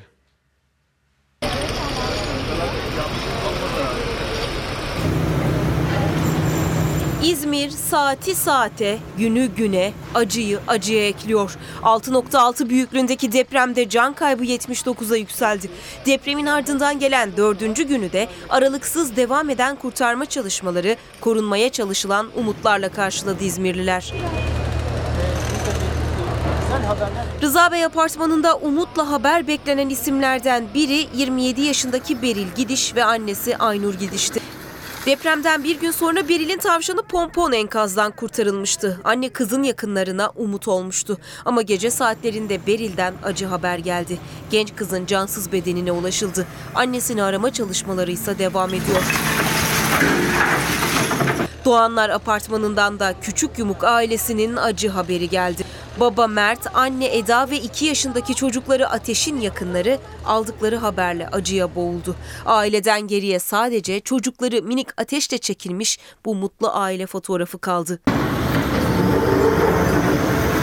Depremde yan yatan ve bugüne kadar 3 vinçle ayakta tutulan Yılmaz Erbek apartmanı da alınan kararın ardından yıkılmaya başlandı. Korkunçtu. Önce bir yavaş başladı. Ondan sonra hızlanmaya başladı. Biz dışarı kaç, kaçmaya çalışırken kapıların arasına sıkıştık. İyi akşamlar. Abi size meyve verildi mi? Yok. Binaları hasarlı olanlar, evlerini kaybedenler, evlerine giremeyenlerse çadır kentte yaraları sarmaya çalışıyor. Gündüz 20 dereceyi gören İzmir'de gece sıcaklık 10 derecenin altına düşüyor. Isınabildiniz mi? Zor. Özellikle sabaha karşı İzmir'de hava oldukça soğuk. Depremzedeler de en çok ısınmakta güçlük çekiyor. Büyükşehir Belediyesi, AFAD destek veriyor ısınmaları için. Hatta sobalar ve odunlar verildi yakılsın, ısınılsın diye ama yeterli gelmiyor. Bu gece özellikle çok soğuk. Isınma sıkıntımız var. Battaniyelerle olmuyor bir yere kadar. Gece saat 2'den sonra daha da çok soğuk oluyor. Uyumayı gece erteliyorum. Evlere giremiyoruz. Hasar var diye hasar tespit bekliyoruz. Giremediğimiz için buraya geldik. Burada da o kadar her ihtiyacımız karşılanıyor. Tabii bizler çok şükür şu anda buralarda iyiyiz. Allah e, şu anda göçük altında kalan yani bütün canlarımız, vatandaşlarımız e, inşallah onlar da sevdiklerine kavuşurlar. Çadır kentlerde depremzedelere gıdanın yanı sıra soğuktan korunmaları için kıyafet de dağıtılıyor. Gecenin sessizliğinde çadırların arasında görünen, yaşananları tam da idrak edemeyen çocuk yüzleri var bir de. Onlar da yardımlar arasından çıkan oyuncaklarla avunmaya çalışıyor. Gecenin en sıcak görüntüleri İzmir'den bu şekildeydi. Akşam gazetesi, akşam gazetesinin önce sür manşeti sonra da manşetini okuyalım. İyi ki babam evde yoktu. Oraya sığamazdı. Enkaz altından 17 saat sonra çıkartılan 16 yaşındaki İnci Okan, kendisini hastanede ziyaret eden Sağlık Bakanı Koca'ya yaşadığı dehşeti anlattı. Bakan Koca ve kurtarılmasında kritik rol oynayan UMKE personeli Eda Nur Doğan'ın ziyaretiyle moral bulan İnci, benim için çabalayan herkese teşekkür ediyorum dedi. Küçük kız deprem sırasında iyi ki orada babam yoktu, oraya sığamazdı, ben küçüğüm, kıvrılabildim bir yere. Köpeğim de kurtarıldı, ikimiz de iyiyiz diye konuştu. Yani o anlar, o anlarda iyi ki babam yoktu diye düşünen genç bir e, arkadaşımız. İnanılmaz. Akşam gazetesi manşeti devlet millet seferberliği. Türkiye İzmir'i vuran depremin acısıyla bir kez daha tek yumruk oldu. Vatandaşlar yardım için sıraya girerken devlet yaraları sarmak için tüm imkanları seferber etti. AFAD, Jandarma Arama Kurtarma, UMKE, AKUT, İHH ekipleri ve madenciler enkaz altındakileri kurtarmak için aralıksız mücadele ederken yaraları sarmak için barınma, ulaşım, hasar tespiti gibi 26 alanda çalışma yürütülüyor. 24 mahallede koordinasyon merkezi kuruldu. Depremzedeler Kızılay'la AFAD'ın kurduğu çadır kentlere yerleştirildi. Konteyner kent çalışmaları başladı. Gıda ihtiyacı da seyyar mutfaklarla karşılanıyor. Eşyasını alamayanlara 30'ar bin lira ödenecek. Kira ve taşınma yardımı yapılacak. Bunun açıklamasını aslında dün kameraların karşısına geçtiğinde Çevre ve Şehircilik Bakanı Murat Kurum da yaptı. Bir kez daha hatırlatmış olalım.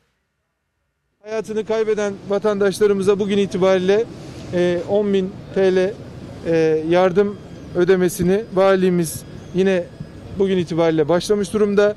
Yıkılmış veya yıkılacak binalara ilişkin eşyasını alamayan vatandaşlarımıza 30 bin lira eşya yardımı yapacak. E, ev sahibi veya kiracı olması fark etmiyor. Eğer eşyasını alamıyorsa, binası yıkılmışsa 30 bin TL e, e, hane başına eşya yardımı vereceğiz. Yine e, binalarımızın taşınma sürecini ve yeni yapım e, sürecinde vatandaşlarımıza, e, ev sahiplerimize 13 bin lira taşıma ve kira yardımı, e, yine kiracı vatandaşlarımıza da eğer evlerinde oturamayacaklarsa taşınmaları e, gerektiği durumlarda 5 bin lira taşıma ve kira yardımı vereceğiz. Şimdi Bir Gün Gazetesi, Bir Gün Gazetesi'nin manşeti çarpıcı. Dehşet verici umursamazlık. Evet biz bunu zaten bu yüzden yaşıyoruz. Bugüne kadar 99 depremini yaşadık. 99 depreminden sonra bundan sonra asla böyle bir şeyle karşılaşmayacağız dedik. Ama hala bu deprem deprem gerçeğiyle yüzleşebilmiş değiliz. Ve Şimdi İzmir'de karşımıza çıkan tablo dehşet verici. MTA mühendisi 12 yıl önce binaları görünce dehşete kapılıyorum diye uyarmış. İzmir'deki 6.9'luk depremden en çok etkilenen Bayraklı'ya ilişkin 12 yıl önce uyarılar yapıldığı ortaya çıktı.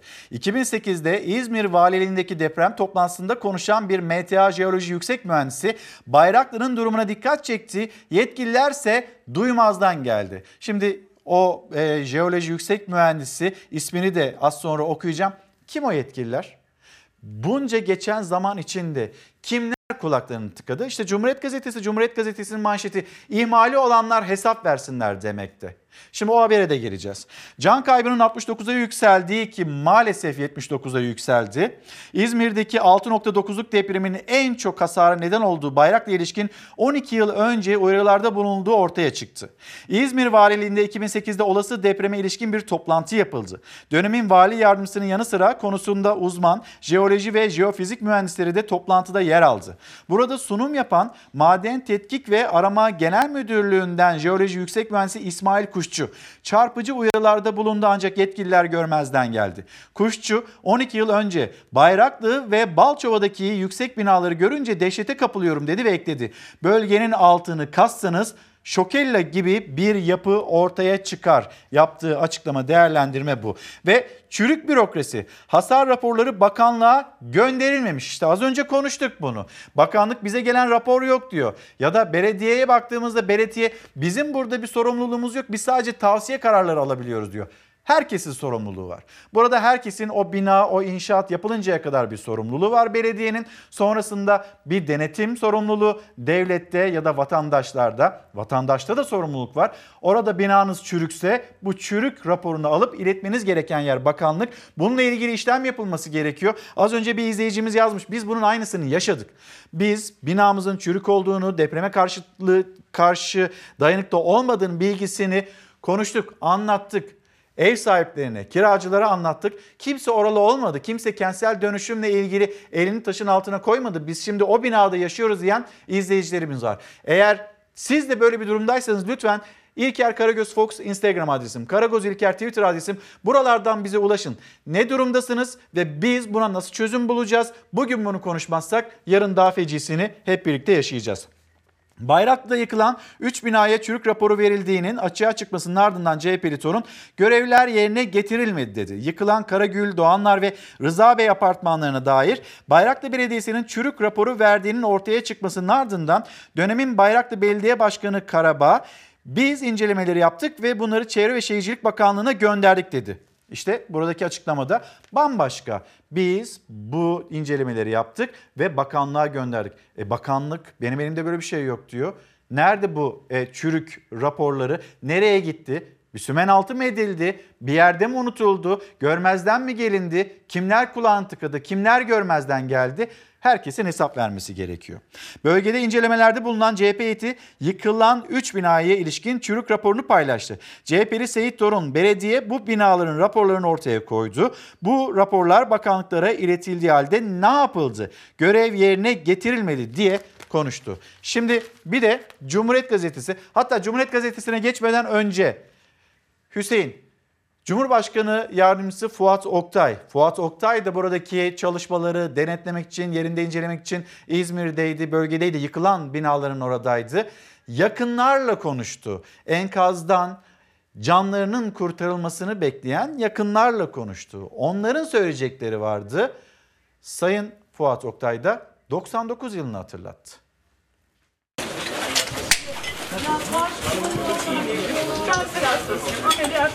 Ben nasıl temizleyeceğim? Bilmiyorum. Ben bugüne kadar yardım almadım hiç. 70 yaşında emekli kanser hastası. Takı satarak para kazandığı standı depremde alt üst oldu. Karşısında Cumhurbaşkanı Fuat Oktay'ı ve bakanları görünce isyanını daha fazla içinde tutamadı. 70 yaşındayım. Öğretmenim de hala çalışmaya bakıyorum ben. Sakin ol. Bütün her şeye rağmen. Senin Sağlığın için İşte hep beraber yaşıyoruz. Cumhurbaşkanı Yardımcısı Fuat Oktay, Çevre ve Şehircilik Bakanı Murat Kurum, Tarım ve Orman Bakanı Bekir Pakdemirli tsunami'nin vurduğu sığacığı ziyaret etti. Emekli öğretmen Suna Uğur korkmuştu, yorgundu, yardım gelmediğinden şikayetçiydi. Derdini gözyaşları içinde anlattı. Fuat Oktay önce sakin bir sesle teselli etti öğretmeni. Gerçekten sakinleştim. Rahatladın mı? Tamam. Teşekkür ederim. Hep beraber buradayız. Amin. Tekrar geçmiş olsun. Biz de takip edeceğiz tekrar. Çok sevinirim. Yani Gerçekten. bütün bu sorunlar bitene kadar biz buradayız. Artık inanmak istiyorum. Artık Yardımın kısa süre sonra geleceğini öğrenen depremzede kadın sakinleşti. Fuat Oktay ise 99 depreminden başlayarak sözü bugün yapılan müdahalelere getirdi. Biz 99 depreminden bugüne geldik. Orada ne yaşadığımızı biliyorsunuz değil mi? Biliyorum. Her Ne yaşadık orada? Geçen sene Elazığ 99. Ne yaşadık 99'da hatırlıyor musunuz? Çok. Ne yaşadık? Öğretmensiniz. 16 bin resmi vefat. Yani deprem 41 bin olduk. deniliyor da. Deprem olduktan sonra iki gün sonrasında daha devlet olayı ne olduğunu bile Bilmiyorum. anlayamamıştı. Bugün ne yapıyoruz? Deprem ne zaman oldu? 14.51 Cuma günü değil mi? Biz ne zaman müdahil olduk biliyor musunuz? Dakikalar içinde. Şimdi odaklandığımız nokta afetler olmadan önce, afetleri önleyelim istiyoruz. Tamam. Büyük İstanbul Şimdi düşünün, kapıda. yıllardır da buna uğraşıyoruz. Kentsel dönüşüm dediğimizde bunun parçası. Tamam. Tamam. Ve şunu söylüyoruz. Fikir birliğindeyiz. Şunu söylüyoruz bakın ama fikir birliğindeyiz de uygulamada da fikir birliğindeyiz. işte Öğretmen o, olduğunuz için ben o. bakın oturdum Teşekkür anlatıyorum ediyorum. tek tek. Sağ olun. Sizin de anlatmanız için bunu anlatıyorum. Oktay ve bakanlar Sığacık'ta yaşanan tsunami'de hayatını kaybeden Fatma Erçetin'in cenaze törenine de katıldı. Aslında orada vatandaş yüreğini ferahlatacak cümleleri duymak istiyor. İşte 99 yılı 99 yılında ne şa- yaşandığı Fuat Oktay bunu hatırlatıyor ama ne yaşandı orada diye bir soru daha soruyor. Peki o soru çok haklı, çok da yerinde. O gün imkanlar yetersizdi. Bugün üzerinden 21 yıl geçti. Peki biz Peki biz ne yaptık o 21 yılda? Kentsel dönüşüm. Hala onu konuşuyoruz. 18 yıllık bir AK Parti iktidarı ve o AK Parti iktidarında biz ne yaptık? Yani biraz böyle hani orada işte onlar o gün onu yapamadı biz bugün bunları yapıyoruz. Belki biraz böyle empati kurulsa orada vatandaşın hassasiyetini, korkusunu e, anlayabilsek teselli cümleleri kurulurken biraz daha böyle hassas cümlelerle yaklaşılsa sanki daha iyi olacaktı. Evet doğru 99 yılında ne oldu? Bugün ne oluyor? Bu çok haklı bir soru. Biz bugün ne olduğunu İstanbul'da hep beraber bütün uzmanlarıyla konuşuyoruz. İstanbul'da ne oldu? Değişti mi? Avcılar, Silivri, oraya dünya kadar binalar böyle gökdelene varan binalar yapıldı. Ne yaptık biz onları? Oradaki binaların denetimleri ne aşamada? Bugün İstanbul'da, bugün İstanbul'da kaçak yapı binası, kaçak yapı yani o binalar oradaki ruhsatlı binalardan fazla. Ne yaptık biz? Bugün ne yaptık? Hadi 99'da başaramadık. Allah kimseye yaşatmasın. Ülkemize yaşatmasın. Böyle depremler yaşamayalım. Ama doğru soru Fuat Oktay tarafından soruluyor. Ne yaptık? Biz de soralım. Ne yaptık? Şimdi Cumhuriyet Gazetesi, Cumhuriyet Gazetesi'nin manşeti hesap versinler. İhmali olan kurumlar ortaya çıkarılsın. Aynı acı tekrar yaşanmasın. Hesap versinler demekti. İş hakkıyla yapılsın. İzmir'deki deprem sonrası acı sonu kabullenmek istemeyen enkaz altındaki yakınlarının çıkarılmasını bekleyen yurttaşlar artık yetkililerin işini hakkıyla yapmasını istiyorlar. Ne yaptık? İşte geri geliyor iş. Tekrar geri dönüyoruz. 99'da ne yaptık? 2020 yılında ne yaptık? Peki biz olası bir İstanbul depremine hazır mıyız? Değil miyiz? Bu sorunun yanıtını merak ediyor herkes. Depremzede de onu merak ediyor. Orada o korkuyu yaşamış olan da merak ediyor. Tsunami yaşamış. Hem sarsıntıyı yaşamış hem tsunami'yi yaşamış. Ne yaptık biz 99'da? 2020 yılında şunu yaptık. 99'dan bugüne kadar güzel şeyler yaptık. Arama kurtarma ekiplerini hepsini belirli bir aşamaya getirdik. Vicdanlı, çalışkan insanlar orada. Hepsinin hakkını teslim etmemiz gerekiyor. Ama mesela 2020 yılında şunu da yaptık. Alındı yetkilinin elinden telefon. Enkazın üzerine çıkıldı. Enkazın üzerinden sanki binayı tanıyormuşuz gibi, biliniyormuş gibi Tarım Bakanı Bekir Pakdemirli kendisiyle konuştu. Hemen şurada yan tarafında bir başka takım elbiseli Bekir Pakdemirli enkazın üzerindeyken onu çekti. Mesela biz 2020 yılında bunu yaptık. Biz bunu öğrenememişiz daha. Ne yaptık biz? 99'dan 2020 yılına kadar o haklı soruyu devam ettirelim o zaman. Biz burada ne yaptık, neyi başardık? Şimdi 99 yılını hatırlatan bir isim daha var. O da İyi Parti Genel Başkan Yardımcısı Koray Aydın. Koray Aydın o dönemin Bayındırlık Bakanıydı. Ve arama kurtarma çalışmalarına tanıklık ederken görevlileri çağırdı yanına. Yanlış yapıyorsunuz dedi. Bakın neden söyledi. Bunlar yukarıdan aşağı indirilen moloz parçaları olduğu için bunları kaldırıyorlar. Ama bu yukarıda şu anda. Bunun yarattığı titreşim orayı bozar. 99 depreminde bütün Türkiye tartıştı. Kurtarma yapılırken hem çalışmaz, moloz almaz. Televizyonlara düşeceksin. Bir hafta tartışıldı bu Türkiye'de. Yani şu orada arada bir taş parçası var. Boşluğun altında bir biri var. Sen bu titreşimli yapıyorsun. O taş aradan çıktı, küt gitti. Doğru bir şey değil.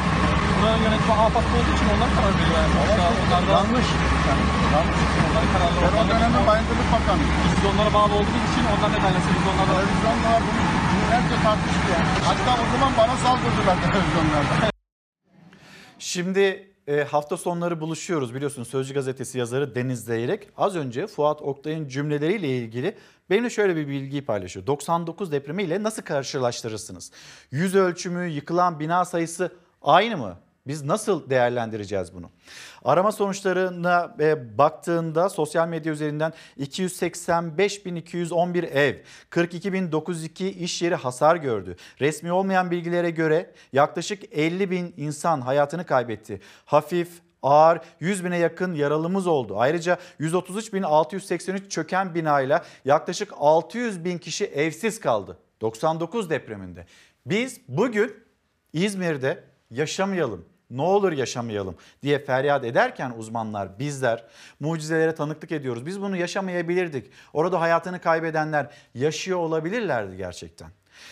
33.683 bina çöktü o gün. Bugün 17 bina çöktü. O günle bugünü kıyaslamak ne kadar faydalı ya da bir depremzedeye biz o gün neler işte o gün yaşanılanları hatırlıyorsunuz görüyorsunuz. Biz bugün neler yapıyoruz demek ne kadar hakkaniyete sığar aslında biraz da buna dikkat çekmekte. Gelelim o zaman İstanbul.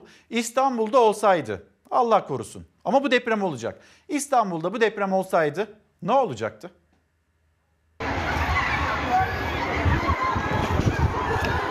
Kuzey Anadolu fay hattı üzerindeki tarihsel gözlemler bize şunu söylüyor. Burada çok küçük depremler olmaz. Şimdi iki tane deprem olacak. Depremlerden bir tanesi küçük çekmecenin önünde olacak. 25 kilometre önünde. Bu depremin büyüklüğü 6.4 ile 6.7 olacak. En son 1766'da deprem meydana gelmiş burada. Yani 250 yıl oldu. 250 yıl zaten büyük bir deprem üretmek için yeterli bir süre. Dolayısıyla İstanbul'da bütün şartlar sağlanmış durumda. Ne gün olacağını bekliyoruz sadece. Diğer deprem Marmara Eğrisi'nin önünde olacak tam şurada ki burada denemelerini yapıyor şu anda. Ve 10 ki- 10-15 kilometre içinde olacak. Bu deprem büyük olacak işte. 7 ile 7.10'da 2 arasında olacak bu deprem. Uzmanlar hemfikir. Mega kent İstanbul'u bekleyen büyük bir deprem var ama önlem yok. Hatta hiçbir sarsıntıya gerek kalmadan yıkılan, duvarları kolonları ellerde un ufak olan binalar, o binalarda da oturanlar var. Bir gün gazetesine konuşan jeofizik uzmanı Oğuz Gündoğdu da depremden en az can kaybıyla çıkmanın tek yolunun kentsel dönüşüm olduğunu ancak geç kalındığını vurguladı. İstanbul için tren kaçtı. Çok sayıda can kaybı beklediğimizi rahat bir şekilde söyleyebilirim.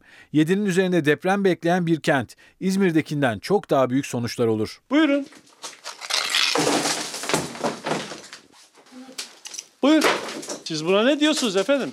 İzmir depremini Ege ve Marmara bölgesi de hissetti. İstanbul'da sallandı. Sarsıntı az olsa da Avcılar ilçesinde binalarda hasar oluştu.